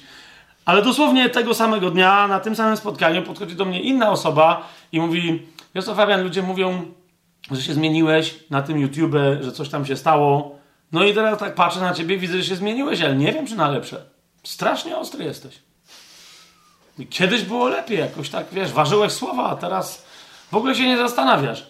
wiesz, o co mi chodzi? No i to jest takie, mm, mm. Widzisz, sęk w tym, że nie ty jesteś sędzią mojego charakteru. Paweł to jest jedna z tych rzeczy w drugim liście do Koryntian, w pierwszym też zresztą, ale w drugim też to mówi, mówi, chcecie to mnie sądźcie. Mówi, ale ja sam siebie nie sądzę. Dlaczego? Bo mówi, jak się spotkamy z Panem, to się wtedy okaże. Wtedy zobaczysz, Jeżeli ty mówisz, że czyjś charakter, że przyjrzyj się swojemu charakterowi. I teraz ty powiesz, no tak, no bo ja teraz. Rozumiesz, są ludzie, którzy twierdzą, że zmienili swój charakter, bo się opanowali i przestali e, przeklinać w obecności innych ludzi, na przykład. Nie? I oczekują, że ktoś to zauważy i powie: mmm, dojrzałeś twój charakter, jaki, jaki jest Boży charakter. Przestań! Przecież to jest hipokryzja kompletna. Nie? Bo jak myślisz, że nikt nie słyszy, ja kiedyś z jednym takim gościem rozmawiałem, nie? który dokładnie mi świadczył i pytał, czy on nie może. No wiesz, potem mówię, stary. Nie? Bo jak myślał, że nikt nie słyszy, a se ugrzmocił, bo, bo przechodził obok ławy i se walnął nogą, piszczelem, rozumiem? I jak tam siarczyście się wypowiedział na temat ogólnej rzeczywistości wszechświata, no tylko on myślał, że nikt tego nie słyszy, nie? A nie wiedział, że ja jeszcze zostałem w budynku, bo po wszystkich rozmowach chciałem skorzystać z toalety i jak on zaklął, tak ja wyszedłem z zawinkla i mówię charakter! Respekt! Potem odbyliśmy poważną rozmowę. Fabian, to było wyjątkowe, ale stary, ale weź się uspokój, no nie? Że ja, ja ci coś mówię, tylko Co chodzi, nie? Może zaczekaj z tą swoją zmianą charakteru, i z, a zwłaszcza ze świadectwem na temat tej zmiany charakteru, tak jeszcze ze 2-3 lata, nie? I może, jak już zobaczysz, że za znowu walniesz piszczelem w ławę, e, czy nie wiem, młotkiem w palca, czy, niech cię Bóg broni, ale no jeżeli, i jak wtedy nie zaklniesz, to wtedy zacznij rozważać kwestię, czy rzeczywiście przestałeś przeklinać. Rozumiesz, o co mi chodzi? Więc, więc, po tym rozważaniu z 39 strony, jak Watchman mówi, no właśnie, tu mówi, to jest dzieło, które tylko Duch Święty może w tobie wykonać, żeby potem przez ciebie dotykać innych. Uwaga, i to jest ostatnia, e, mm, to jest konkluzja dzisiejszego naszego spotkania. Watchman mówi, Paweł służył jako usługujący Słowem Bożym, nie tylko dlatego, że pozwalał duchowi swobodnie przez siebie przemawiać. Chociaż zauważcie, samo to w sobie to jest geniusz. Tak? Mówi, ale nie tylko dlatego. Uważajcie, mówi, duch wziął właściwie w posiadanie cały jego charakter. Duch wziął w posiadanie cały jego charakter. Owoc ducha w boskiej trójcy to właśnie to, co on wytwarza w charakterze człowieka. Owoc ducha, owoc ducha następnie zdradza owoce na zewnątrz, poza tobą.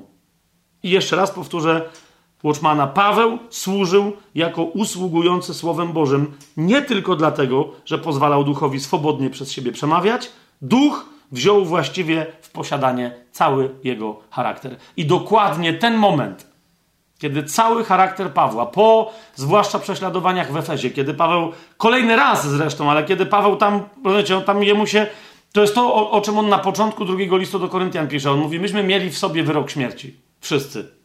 No i mówi, to nie było, rozumiecie, że on myślał, że no tu jest ostro i może zginąć. On był pewny, że, że zginą.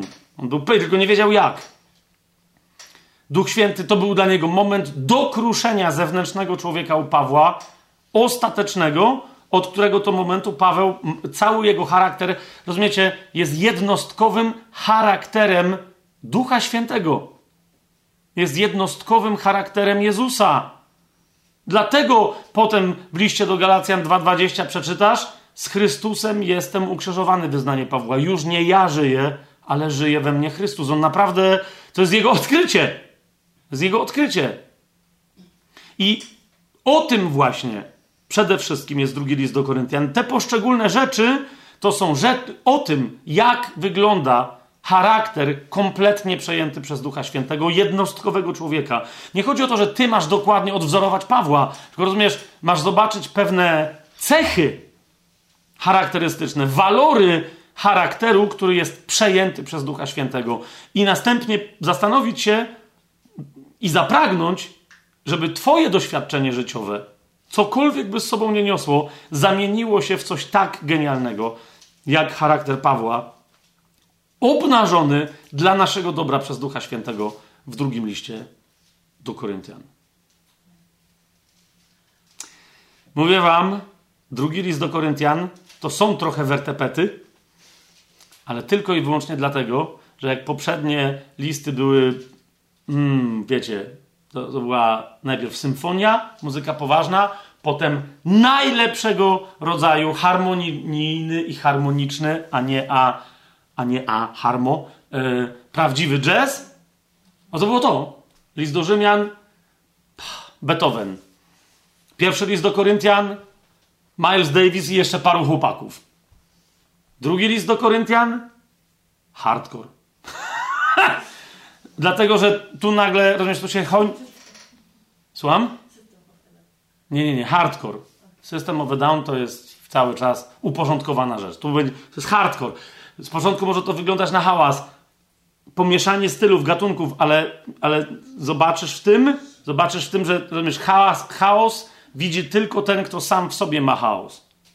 Ten, kto zaczyna ulegać Duchowi Świętemu. Kruszeń dla zewnętrznego człowieka, ten objawiony wewnętrzny człowiek wygląda jak chaos. Dla drugiej duchowej osoby, rozumiesz, to nagle zamieni się w zupełnie nowy rodzaj muzyki, jakiego jeszcze twoja dusza nie słyszała. Jak, jak zaczniesz słuchać drugiego listu do Koryntian, jak, jak muzyki, nie? Ob, to jest nie tylko wyznanie miłosne Pawła wobec Koryntian, ale powiedziałbym, że to jest wyznanie miłosne Ducha Świętego na temat Pawła. On mówi, zobaczcie, jakiego mam człowieka.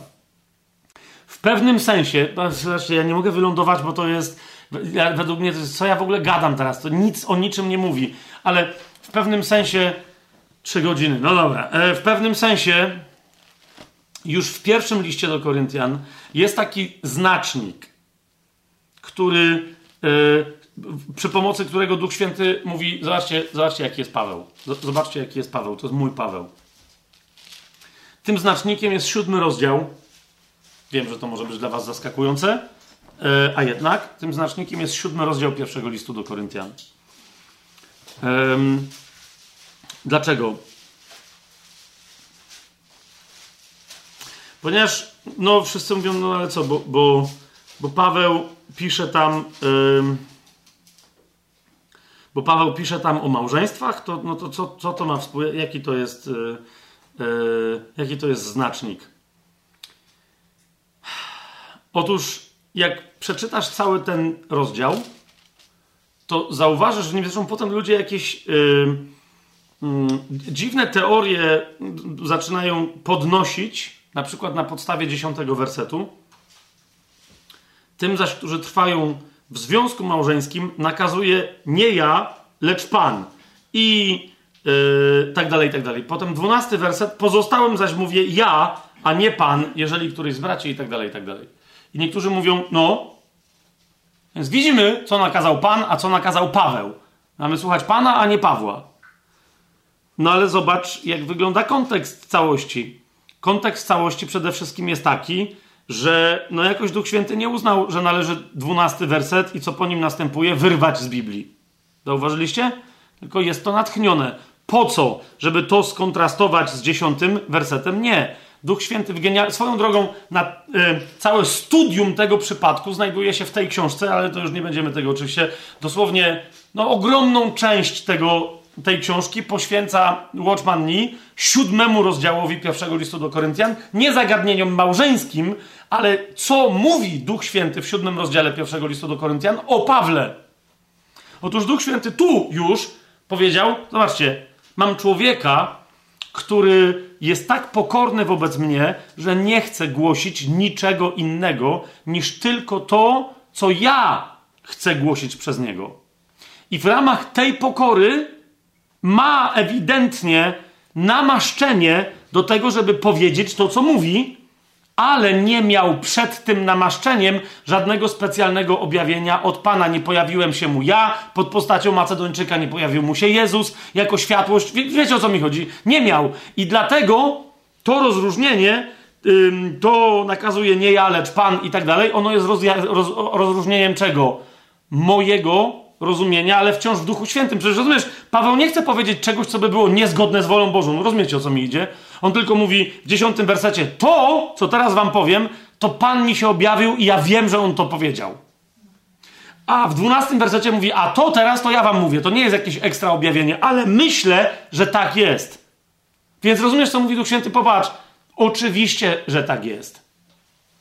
Bez specjalnego namaszczenia. Ten człowiek był tak mój, że kiedy on mówił, to nie mówi Pan, tylko ja, to nadal mówiłem ja, kiedy on mówił, że to tylko on mówi.